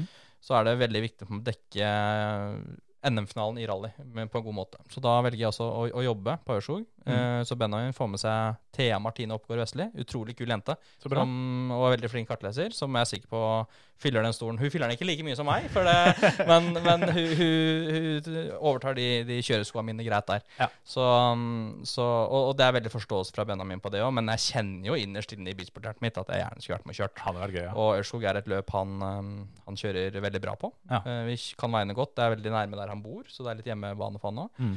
og jeg har vært på Ørskog i mange år, både som tilskuer og, og, og kjørt, så det er um, Absolutt et løp jeg gjerne skulle vært med på.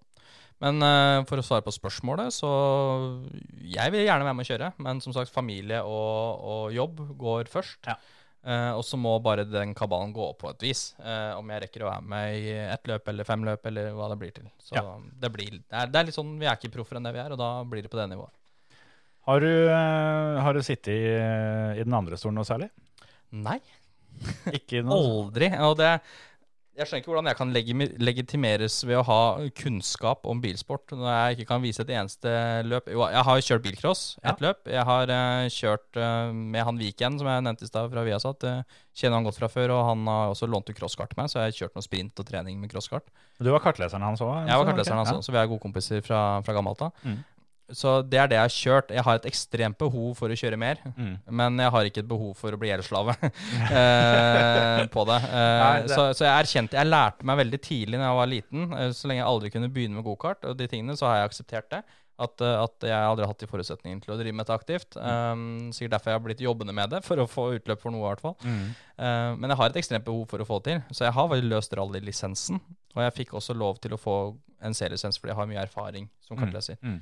Så jeg har lov til å kjøre rally, eh, og jeg har ekstremt lyst til å prøve det. Eh, jeg kan alltids eh, finne noen sponsorer eller spare noe penger for å leie en bil, men har ikke råd til å krasje den. Nei, det, det så- der har jeg tenkt sjøl òg, at Ja. det, er, det er hyggelige leiepriser. Ja. Men Og den granleggen er dyr. Ja, den er det. Den er veldig dyr. Og, um, og, og da koster det mer enn det smaker. Ja. Og, og jeg vil heller ikke kjøre et billøp med skuldra langt over hårfestet og, og Bare kjøre midt i veien fordi Ja. du ikke har råd til å dra. Det, Nei, ikke sant. Og da får jeg heller ikke prøvd å bevise hvor god jeg er til å kjøre bil. Jeg mener jo sjøl jeg er ekstremt god til å kjøre bil. Selvfølgelig. Ja, men sånn er vi alle. Eh, Det er derfor jeg tar simracing veldig på alvor. Jeg Mm. har egentlig alltid når jeg har kjørt bilspill, selv fra gamle Colin McRae, så har jeg trodd at jeg sitter i virkeligheten og kjører. Mm. Um, og det er derfor jeg kan prøve å framsnakke simracing, fordi fordi mm, det er så mange elementer som har blitt veldig bra. Mm, Men jeg kan ikke gå god for at fordi jeg får til det der med en Formel 1-bil på Sim, at da hadde jeg gjort det like bra i virkeligheten. Nei, kanskje i hvert fall ikke med Formel 1. At det er det mest eh, naturlige. Nei, eh, så, så jeg har jo beina på bakken der, men, men eh, jeg har det behovet for å kjøre. Det Ja, kjenner jeg. ja. Men eh, det er ikke så vanskelig for meg å heller akseptere at jeg ikke er i posisjon til å gjøre det. Og det er også egentlig et budskap til alle andre som enten tar over svære forbrukslån eller, eller gjør alt de kan for å kjøre rallybil. Og så Mm. bør du tenke etter den potensielle konsekvensen er ikke like artig. Eh, så jeg har i hvert fall valgt å ikke ta den risken og bare akseptere det. Så Ja. det sånn er verden med bilsport. Det er jo en ting jeg har fått høre relativt ofte opp gjennom åra òg, det at eh, startlistene på um, NM-runden i rally er alltid fulle på vinteren. Men eh, etter hvert som folk får kjørt ut og har brukt opp pengene sine, så er det ikke like mye som, som skjer på sommeren. Nei, og så er det jo ofte dyrere å bryte om sommeren òg. Ja, Det En grøftekant er litt slemmere enn en bretekant. Ja, ja. Jeg husker du skrev en artikkel eh, om eh, simracing og simracing Grand Prix, da, eh, hvor du poengterte akkurat det der, sånn at eh, for, eh, for deg da, så var det her plutselig en eh, perfekt arena for å kunne, kunne konkurrere som fører, uten at det var snakk om hundretusenvis av utgifter til utstyr. Ja, og så blir konkurransesegmentet blir såpass reelt, fordi Mm. det her er det mm, altså, her, altså Det er ingen som melder seg på Simracing Grand Prix og bare skal ha det fett og gøy. Man har en visst viss, viss konkurranseinstinkt ved å melde seg på, og, og der var så i år òg, spesielt var det så mange førere med, så det blei så veldig bredt nivå Ja. at du aldri Du blei aldri driti ut om du ikke kjørte så bra, heller. Nei, for det var alltid noen rundt deg foran og bak deg. Ja. Um, så det var veldig gøy. Uh, så visste ikke jeg hvor, hvordan jeg lå an. Nei. Men problemet var jo, ikke sant eh, Det blei jo høyere nivå. Mm. altså Det var sånn det starta bra, og så blei det enda høyere nivå fordi enda flere kjøpte seg rigg. Ja. Og, og, og brukte tid på det, for man var i karantene og var hjemme og hadde hjemmekontor og hadde ekstremt mye tid. Ja. Så mange av de som er også aktive bilsportutøvere, sånn som Frank Tore Larsen, um, Alexander Wold uh, ja, og Eivind, vel, alle disse gutta kom jo inn etter hvert. Ja. Og, og vi kjørte en del fellestreninger, og jeg kjørte fra dem. Mm. Så gikk det et par-tre uker, og det var løp, og de knuste meg. ikke sant? uh, så det, det blei en sånn og, og Terje er jo en av de her, ikke sant? som bare hopper inn og er dritgod med en gang. Jeg fikk, Og- eh, jeg fikk beskjed av Terje om å spørre om det, åssen det var å bli, eh, bli parkert av førermøtet når du kjørte Simracing Grand Prix. Jeg ser for meg at Terje har så lite å gjøre, at han har testa så mye at uh, jeg skal dra en Dennis Hauglaug og si at jeg ikke har testa en dritt.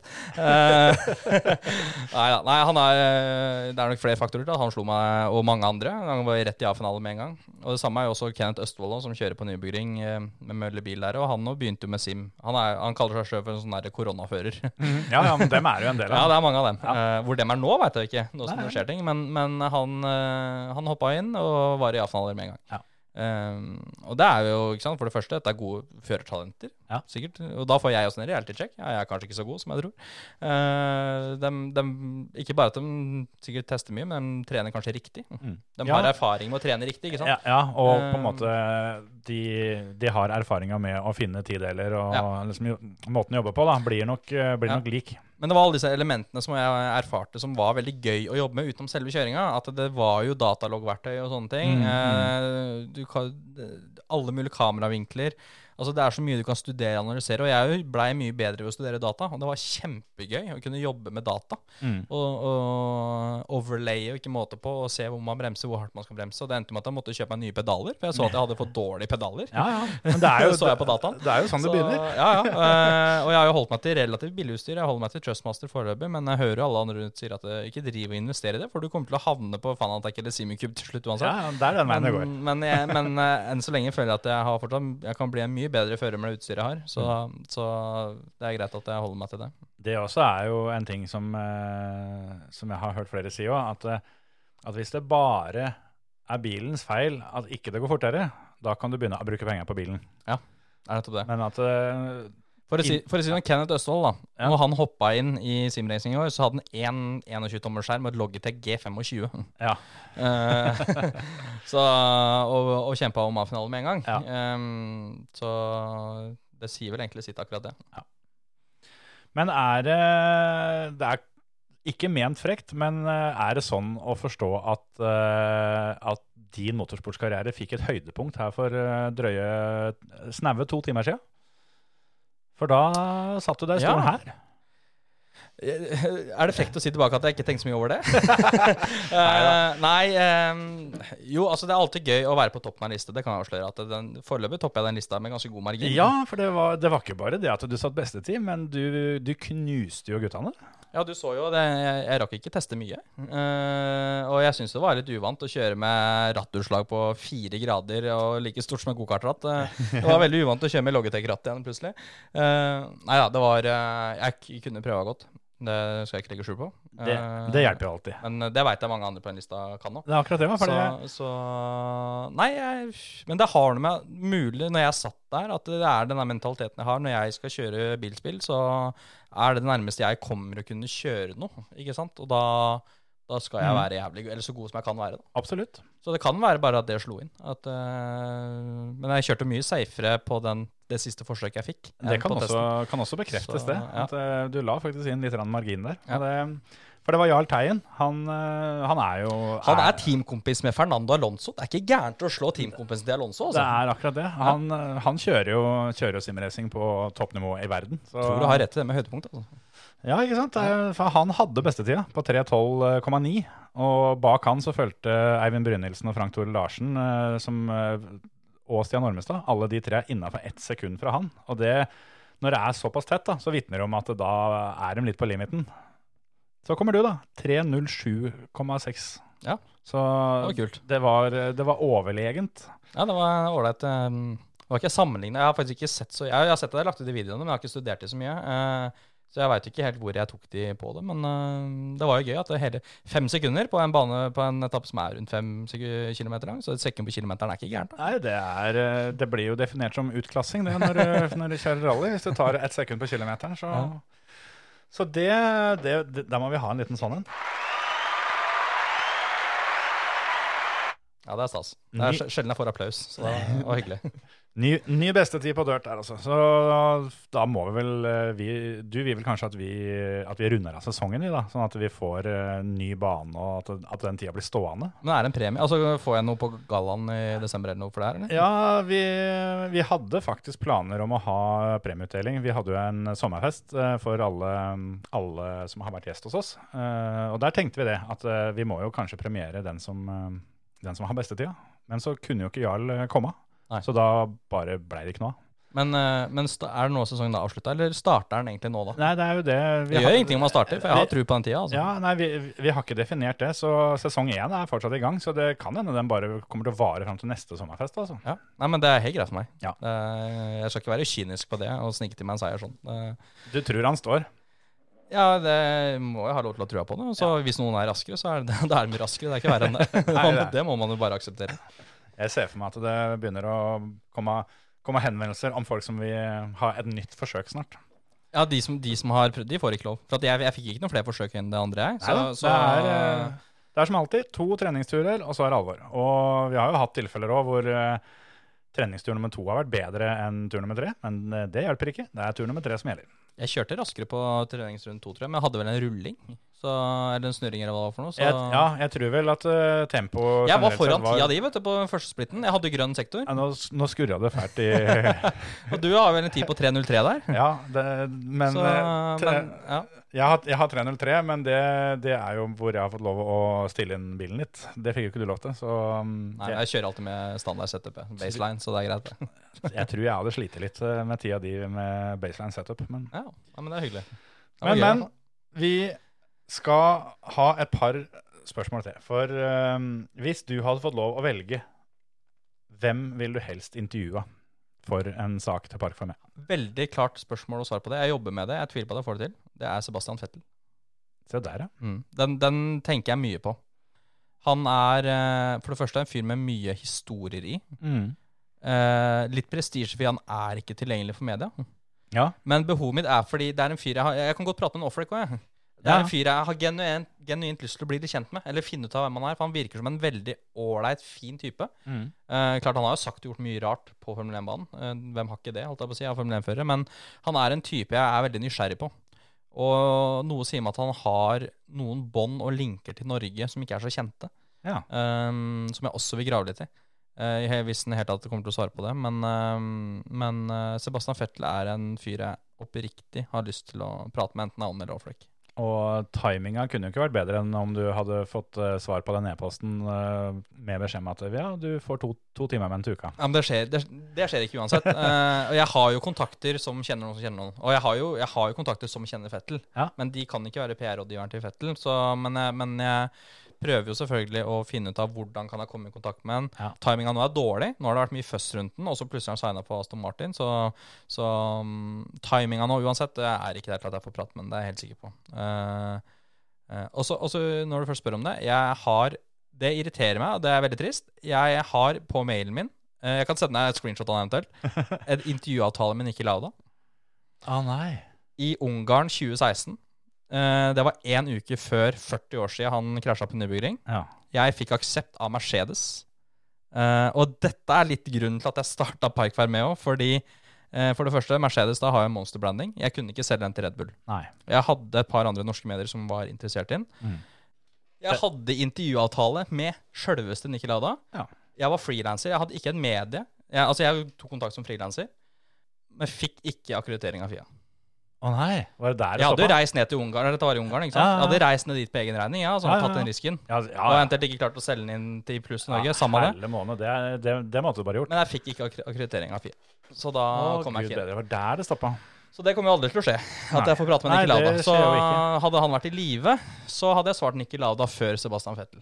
Så Det holder jeg med deg faktisk. Så det der irriterer meg litt. eh, Det irriterer meg Ja, nei, ja. Mer får man ikke gjort, da. Eh, Så, men det, men det var litt grunnen. Hadde jeg vært Park med Mm. For jeg blei også godkjent av FIA første året, for jeg hadde et samarbeid med Viasat da, Mm. som da er rettighetshaver. Jeg har ikke fått det samme, eller jeg har ikke fått til- tilsvarende samarbeid i år på det, redaksjonelt. Men jeg var godkjent av FIA i 2017 til å bli akkreditert i Formel 1. Da. Ja. Men jeg var aldri, jeg hadde ikke råd til å dra på noe løp da.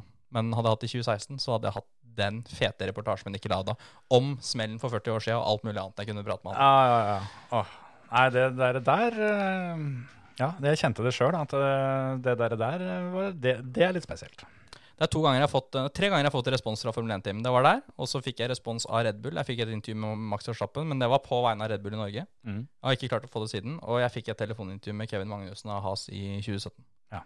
Det er de gangene jeg har, um, har klart å få noe innpass i Formel 1. Da. Mm. Men det, det er ganske tøft når det er lite norsk eh, medie å er, komme inn der. Da. Det er litt enklere i eh, de andre grenene. For der eh, har du vært ganske god på det, at du tar en telefon til Johan Kristoffersson og til, Ja, Tommy Mekkenen og, Ja, ja, ja. og ikke måte på. Så det er um, Den den terskelen er litt annerledes. Uh, jeg veit ikke hvorfor, men Formel 1 er jo kommersielt så mye større. De har en helt annen pågang. mm. Um, så de blir skjerma mye, mye mer, uh, enkelt og greit. Så det nærmeste jeg får i Formel 1 i dag, er at jeg får svar av Helmut Marko om Dennis Hauger. Ja. Det får jeg. Ikke sant. Uh, via mail, selvfølgelig. Så upersonlig som det går an å få det. Men, uh, men uh, ja. Men det er jo ikke verst at det svaret kommer fra Helmut Marko, da. Det Nei. kunne jo fort ha kommet fra en eller annen assistent til assistenten. Mailen er jo fra en assistent, Ja. men det er Marko som har skrevet inn orda sjøl, Ja. så, så det er jo greit nok. Men nei, det, er, det er krevende, det. Og um, jeg driver og jobber nå med å få intervjua Landon Norris og Carlos Sainz, uh, for de er veldig ålreite typer, som mange i Norge også er fan av. Så de vil jeg prøve å finne litt ut av, men uh, jeg setter jo Fettel over de to hvem jeg sånn oppriktig har lyst til å, å prate med. da. Ja, i hvert fall, eh, i hvert fall sånn som situasjonen eh, er nå og har vært den siste tida, så er jo Mm. han eh, høyaktuell. Ja, jeg har egentlig hatt det, hatt det, det ønsket lenge, egentlig før det som har skjedd i år òg. Altså. Mm. Så det er egentlig litt uavhengig av det. Er det noen planer framover nå, forresten? Nå er det jo ikke noe mer Formel 3-kommentering. Er det noe annen kommentering eh, Ja, det er jo, egentlig burde vi prate om det egentlig hele den sendinga. Det er jo 24-timersløp på Le Mat i helga. Å, herregud. det har vi ikke toucha innom, så det var fint du sa. Uh, Dennis Olsen skal ikke kjøre. Rett og slett fordi det var ikke noen rikmannsfører til å betale bilen han, han skal på. Aha. Fikk ikke med en sånn gentleman driver. Ikke en god nok, tror jeg, som hadde penger. Eller, jeg, jeg er litt usikker på det, men det var påmeldt en bil eh, som ville ha med Dennis. Mm. Um, greia da er jo at Dennis er ikke en formell fabrikkfører i Porsche i år. Nei. Veldig rart, egentlig, men han blir nok det etter hvert neste år. Eller, det, det er ingen dramatikk rundt det, men eh, Porsche har for mange førere, så Dennis må bare vente litt. Uh, men det gjør at Dennis får ikke plass i år på en av disse fabrikk-Porschene. Nei. Eh, så da, men Porsche har mange kundeteam i amatørklassen. da. Men da, det er sånne bronse-, og sølv- og gullgraderinger fra FIA. Uh, Ut ifra hvor god du er, da, Mm. basert på meritter og sånn. Og Dennis er en gullfører. Mm. Um, men regelen i AM, altså i GT AM, da, amatørklassen, er at du må ha med en bronsefører. Um, og det er gjerne de bronseførerne som må ha med seg penger. At de ikke er på høyt nivå, men de har midler til å spytte unna. Ja. for å være med å kjøre. Og i tillegg må du være kvalifisert. Det er ikke bare å melde seg på Le Mans. Du må ha deltatt i en serie som gjør at du blir kvalifisert til å kjøre der òg. Ja. Så de, mm, de fant ikke den føreren. Eh, så det er veldig synd. Uh, så da får ikke Dennis kjørt. Men vi har jo med en nordmann for det. da. Ok. Egidio Perfetti. Har du, hørt, har du hørt om han? Nei. Nei, artig type. Han er så multinasjonal som det går an å bli. Han er vel født i Nederland. Nei, Italia er han født i. Italiensk far. Mora er fra Bergen. Eh, så han bodde i Nederland i mange år. Så bodde han ute i Asia i mange år og kjørte noe asiatisk Porsche-greier. Han er arving i Perfetti van Mel, som produserer Mentos og Meller og Chupa Chups og Tic Tac og de greiene der. Det høres ikke kjedelig ut, det. Så vet du hvor pengene kommer fra. Ja, Så det står jo Mentos over hele bilen hans. ja. Um, men han har ett pass, og det er norsk. ja. Med mora, da, fra Bergen. Se det, du. Så, så man har aldri Han er jo i Norge titt og ofte, men har aldri drevet med noe norsk racing. Han har ikke noe han er ikke tilknytta miljøet i Norge, så han er veldig ukjent for, for oss norske Ja, ja. bilsportfølgere. Men en veldig artig type. Ja. Uh, fin fyr. Jeg pratet med ham et par ganger. Og møtte han Jeg var på Le Mans på testen i fjor. Og gjorde noen reportasjer noen intervjuer og sånn der. Og pratet med han der. Og veldig fin fyr. Så vi kan heie litt på han. Og han Mm. vant jo GTA-klassen i fjor. Så han er, han er, han er en god gentlemansfører. Han eh, Åssen er teamet hans i år, da? Vet du noe om det? Uh, det er jo dette Project One-teamet som eh, også Marius Nakken var tilknyttet i fjor. Mm. Uh, og de, det er et bra Porsche-kundeteam, altså. Så, Så- så, de, er, de er favoritter i den klassen. Ja, ok. Så vi kan få norsk seier. Vi kan få norsk, og, og den er norsk. altså Like norsk som Oliver Solberg er svensk. Ja, nettopp. Ja, nettopp. Godt, veldig, veldig godt poeng, faktisk. Ja, ja. Ja, men det, det er bra. Så det, apropos, jeg skal kommentere 24 timer til helga, da. ja, ja det, det skjønte jeg. Jo da. jeg og, og Vik er team, og så er det um, Henning Isdal og Stein Pettersen, som dere kjenner til fra Formel 1. Eh, Atle har fri, så han kommer ikke. Ja. Men da er det oss fire som, eh, som bytter på gjennom døgnet. Og så er det en liten pause i de verste timene på natta, hvor vi slapper av litt. Ja, det, det høres jo for så vidt fornuftig ut, det, da. Nei, da hadde det gjerne skjer ting òg, så det er jo skjønt. Ja, altså, jeg hadde tenkt meg at hadde jeg, eh, hadde jeg vært nattevakt for, eller av en eller annen grunn vært oppe om natta, så hadde jeg sikkert blitt litt irritert over at det ikke var kommentering. Men eh, jeg, Jeg går se- ut fra bildene går. Ja, bildene går, og det er ikke noe Jeg skal ikke reklamere. Det sendes på Eurosport, jeg må si det. Det sendes på to norske kanaler, både Eurosport og, og, og V-sport og Viaplay sender dette. Ja, bra. Uh, har, nei, Eurosport har noen reklamepauser, da. Uh, men det er også en Eurosport-produksjon. Så Ja. de, har, så de har jo en veldig god produksjon, de òg, skal sies.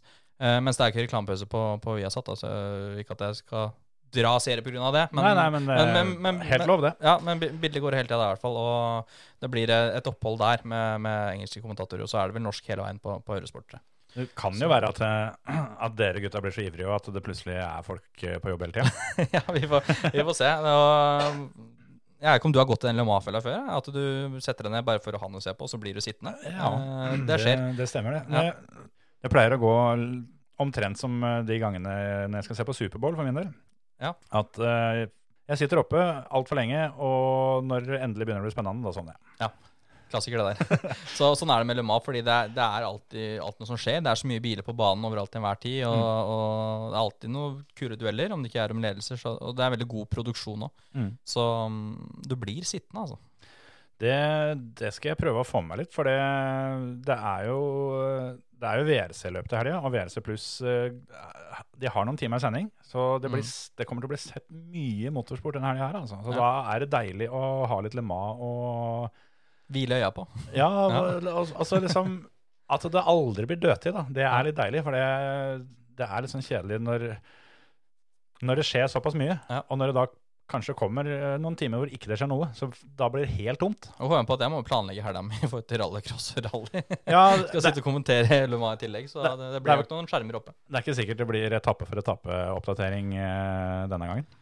Nei, og, og det funker altfor bra. Det er derfor jeg gjør det. For jeg har egentlig ikke tid til det. Nei. Jeg måtte faktisk eh, redusere det sist her, for jeg hadde ikke kapasitet. Og det satt litt langt inne. Um, så jeg får se hvordan jeg gjør det nå, om jeg tar loop for loop, eller hva jeg gjør. Men um, så det er problemet da, når du er så interessert i alt. Jeg burde egentlig bare Ja. vært interessert i én ting. Ja, ja, ja. Så kan du drite i alt annet. Det, Men det skjer jo ikke. Vi har samme problemet. Nå gikk vi heldigvis tidlig ut her på føremøtet og sa at det var de tre store bil, eh, bilgrenene, Formel 1, VLC og VM i rallycross, som, Mm. som var vårt fokus. Men alle vi eh, i føremøteredaksjonen må jo bare, bare si det at vi har litt dårlig samvittighet for alt det vi ikke kan følge med på. Jeg røyker på den smellen sjøl, for at det var jo på Når jeg starta Park 5 skulle jeg primært VM i rally, rallycross og, og, og Formel 1. Mm. Uh, og eventuelt, hvis det er noen nordmenn som gjør det bra, noe annet. Men Og ikke dekke for mye norsk heller.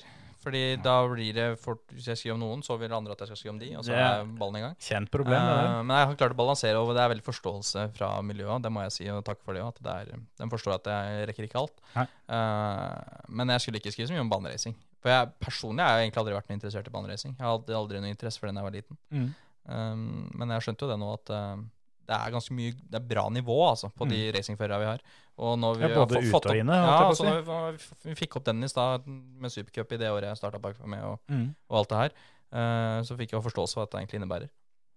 Og ikke minst Kristian Krognes òg, som uh, kjører GT helt gratis og er jævlig god til å være en far som, uh, som har full jobb ved siden av. ikke sant? Ja, ja, ja. Så, så da blei det også en egen racing-tag eh, på Bike 5E. Ja, ikke det sant? ikke var meninga. Så det er mye mer enn bare de tre VM-seriene. altså. Så er det jo helt sikkert mange som lurer på om uh, kommer det noe gokart og Ikke sant? Det er Eh, Den største dårligste samvittigheten jeg har, er gokart og crosskart og dragrace og, og sånne ting. Ja. Jeg prøver meg litt på gokart iblant, men jeg veit jo der og at skriver skriver om en, så vil andre at jeg skal skrive om de. og Vanskelig å dekke rettferdig, altså. Det er det. Så da er det heller bedre å ikke dekke det så mye. Men Vi har prøvd med noen sånne skippertak, og det må vi bare si eh, nok en gang. At eh, vi har dårlig samvittighet for det. Vi veit det har skjedd veldig mye Det er bare helga som var. Så Ja, ja. Det, det har vært NM eh, Det er alltid et NM, på en måte. Det er alltid, alltid det, og det er ekstremt mange og, og mange dyktige. Og det er, vi har jo, ja, utenom Hauger og, og Martini, så har jo fort vår neste proffe. Eh, Mm. blant de som er ute og kjører nå, av de gokartførerne. Vi får prøve å dekke inn det ved å ta inn litt spennende gjester som kan fortelle om det sjøl. Så til dere som hører på, så er det bare å foreslå gjester for oss. Så, så skal vi prøve å dekke over det som er. Og det, det gjelder sikkert litt deg og det, at hvis det er eh, noen eh, som stiller til intervju, så Ja, så En god vinkling, en god sak, en god historie. Det, da har ikke bilsportgrenen eller resultatet så mye å si. Nei. Så lenge det er en god historie. Helt riktig, det. Da håper vi at eh, det, blir, eh, det blir muligheter for å kunne lese et intervju med Fettel på Parfymé innen altfor lang tid. Så tror jeg vi bare skal si tusen takk for at du tok turen. Jo, takk for at dere kom. Hyggelig. Ha det bra! Ha det.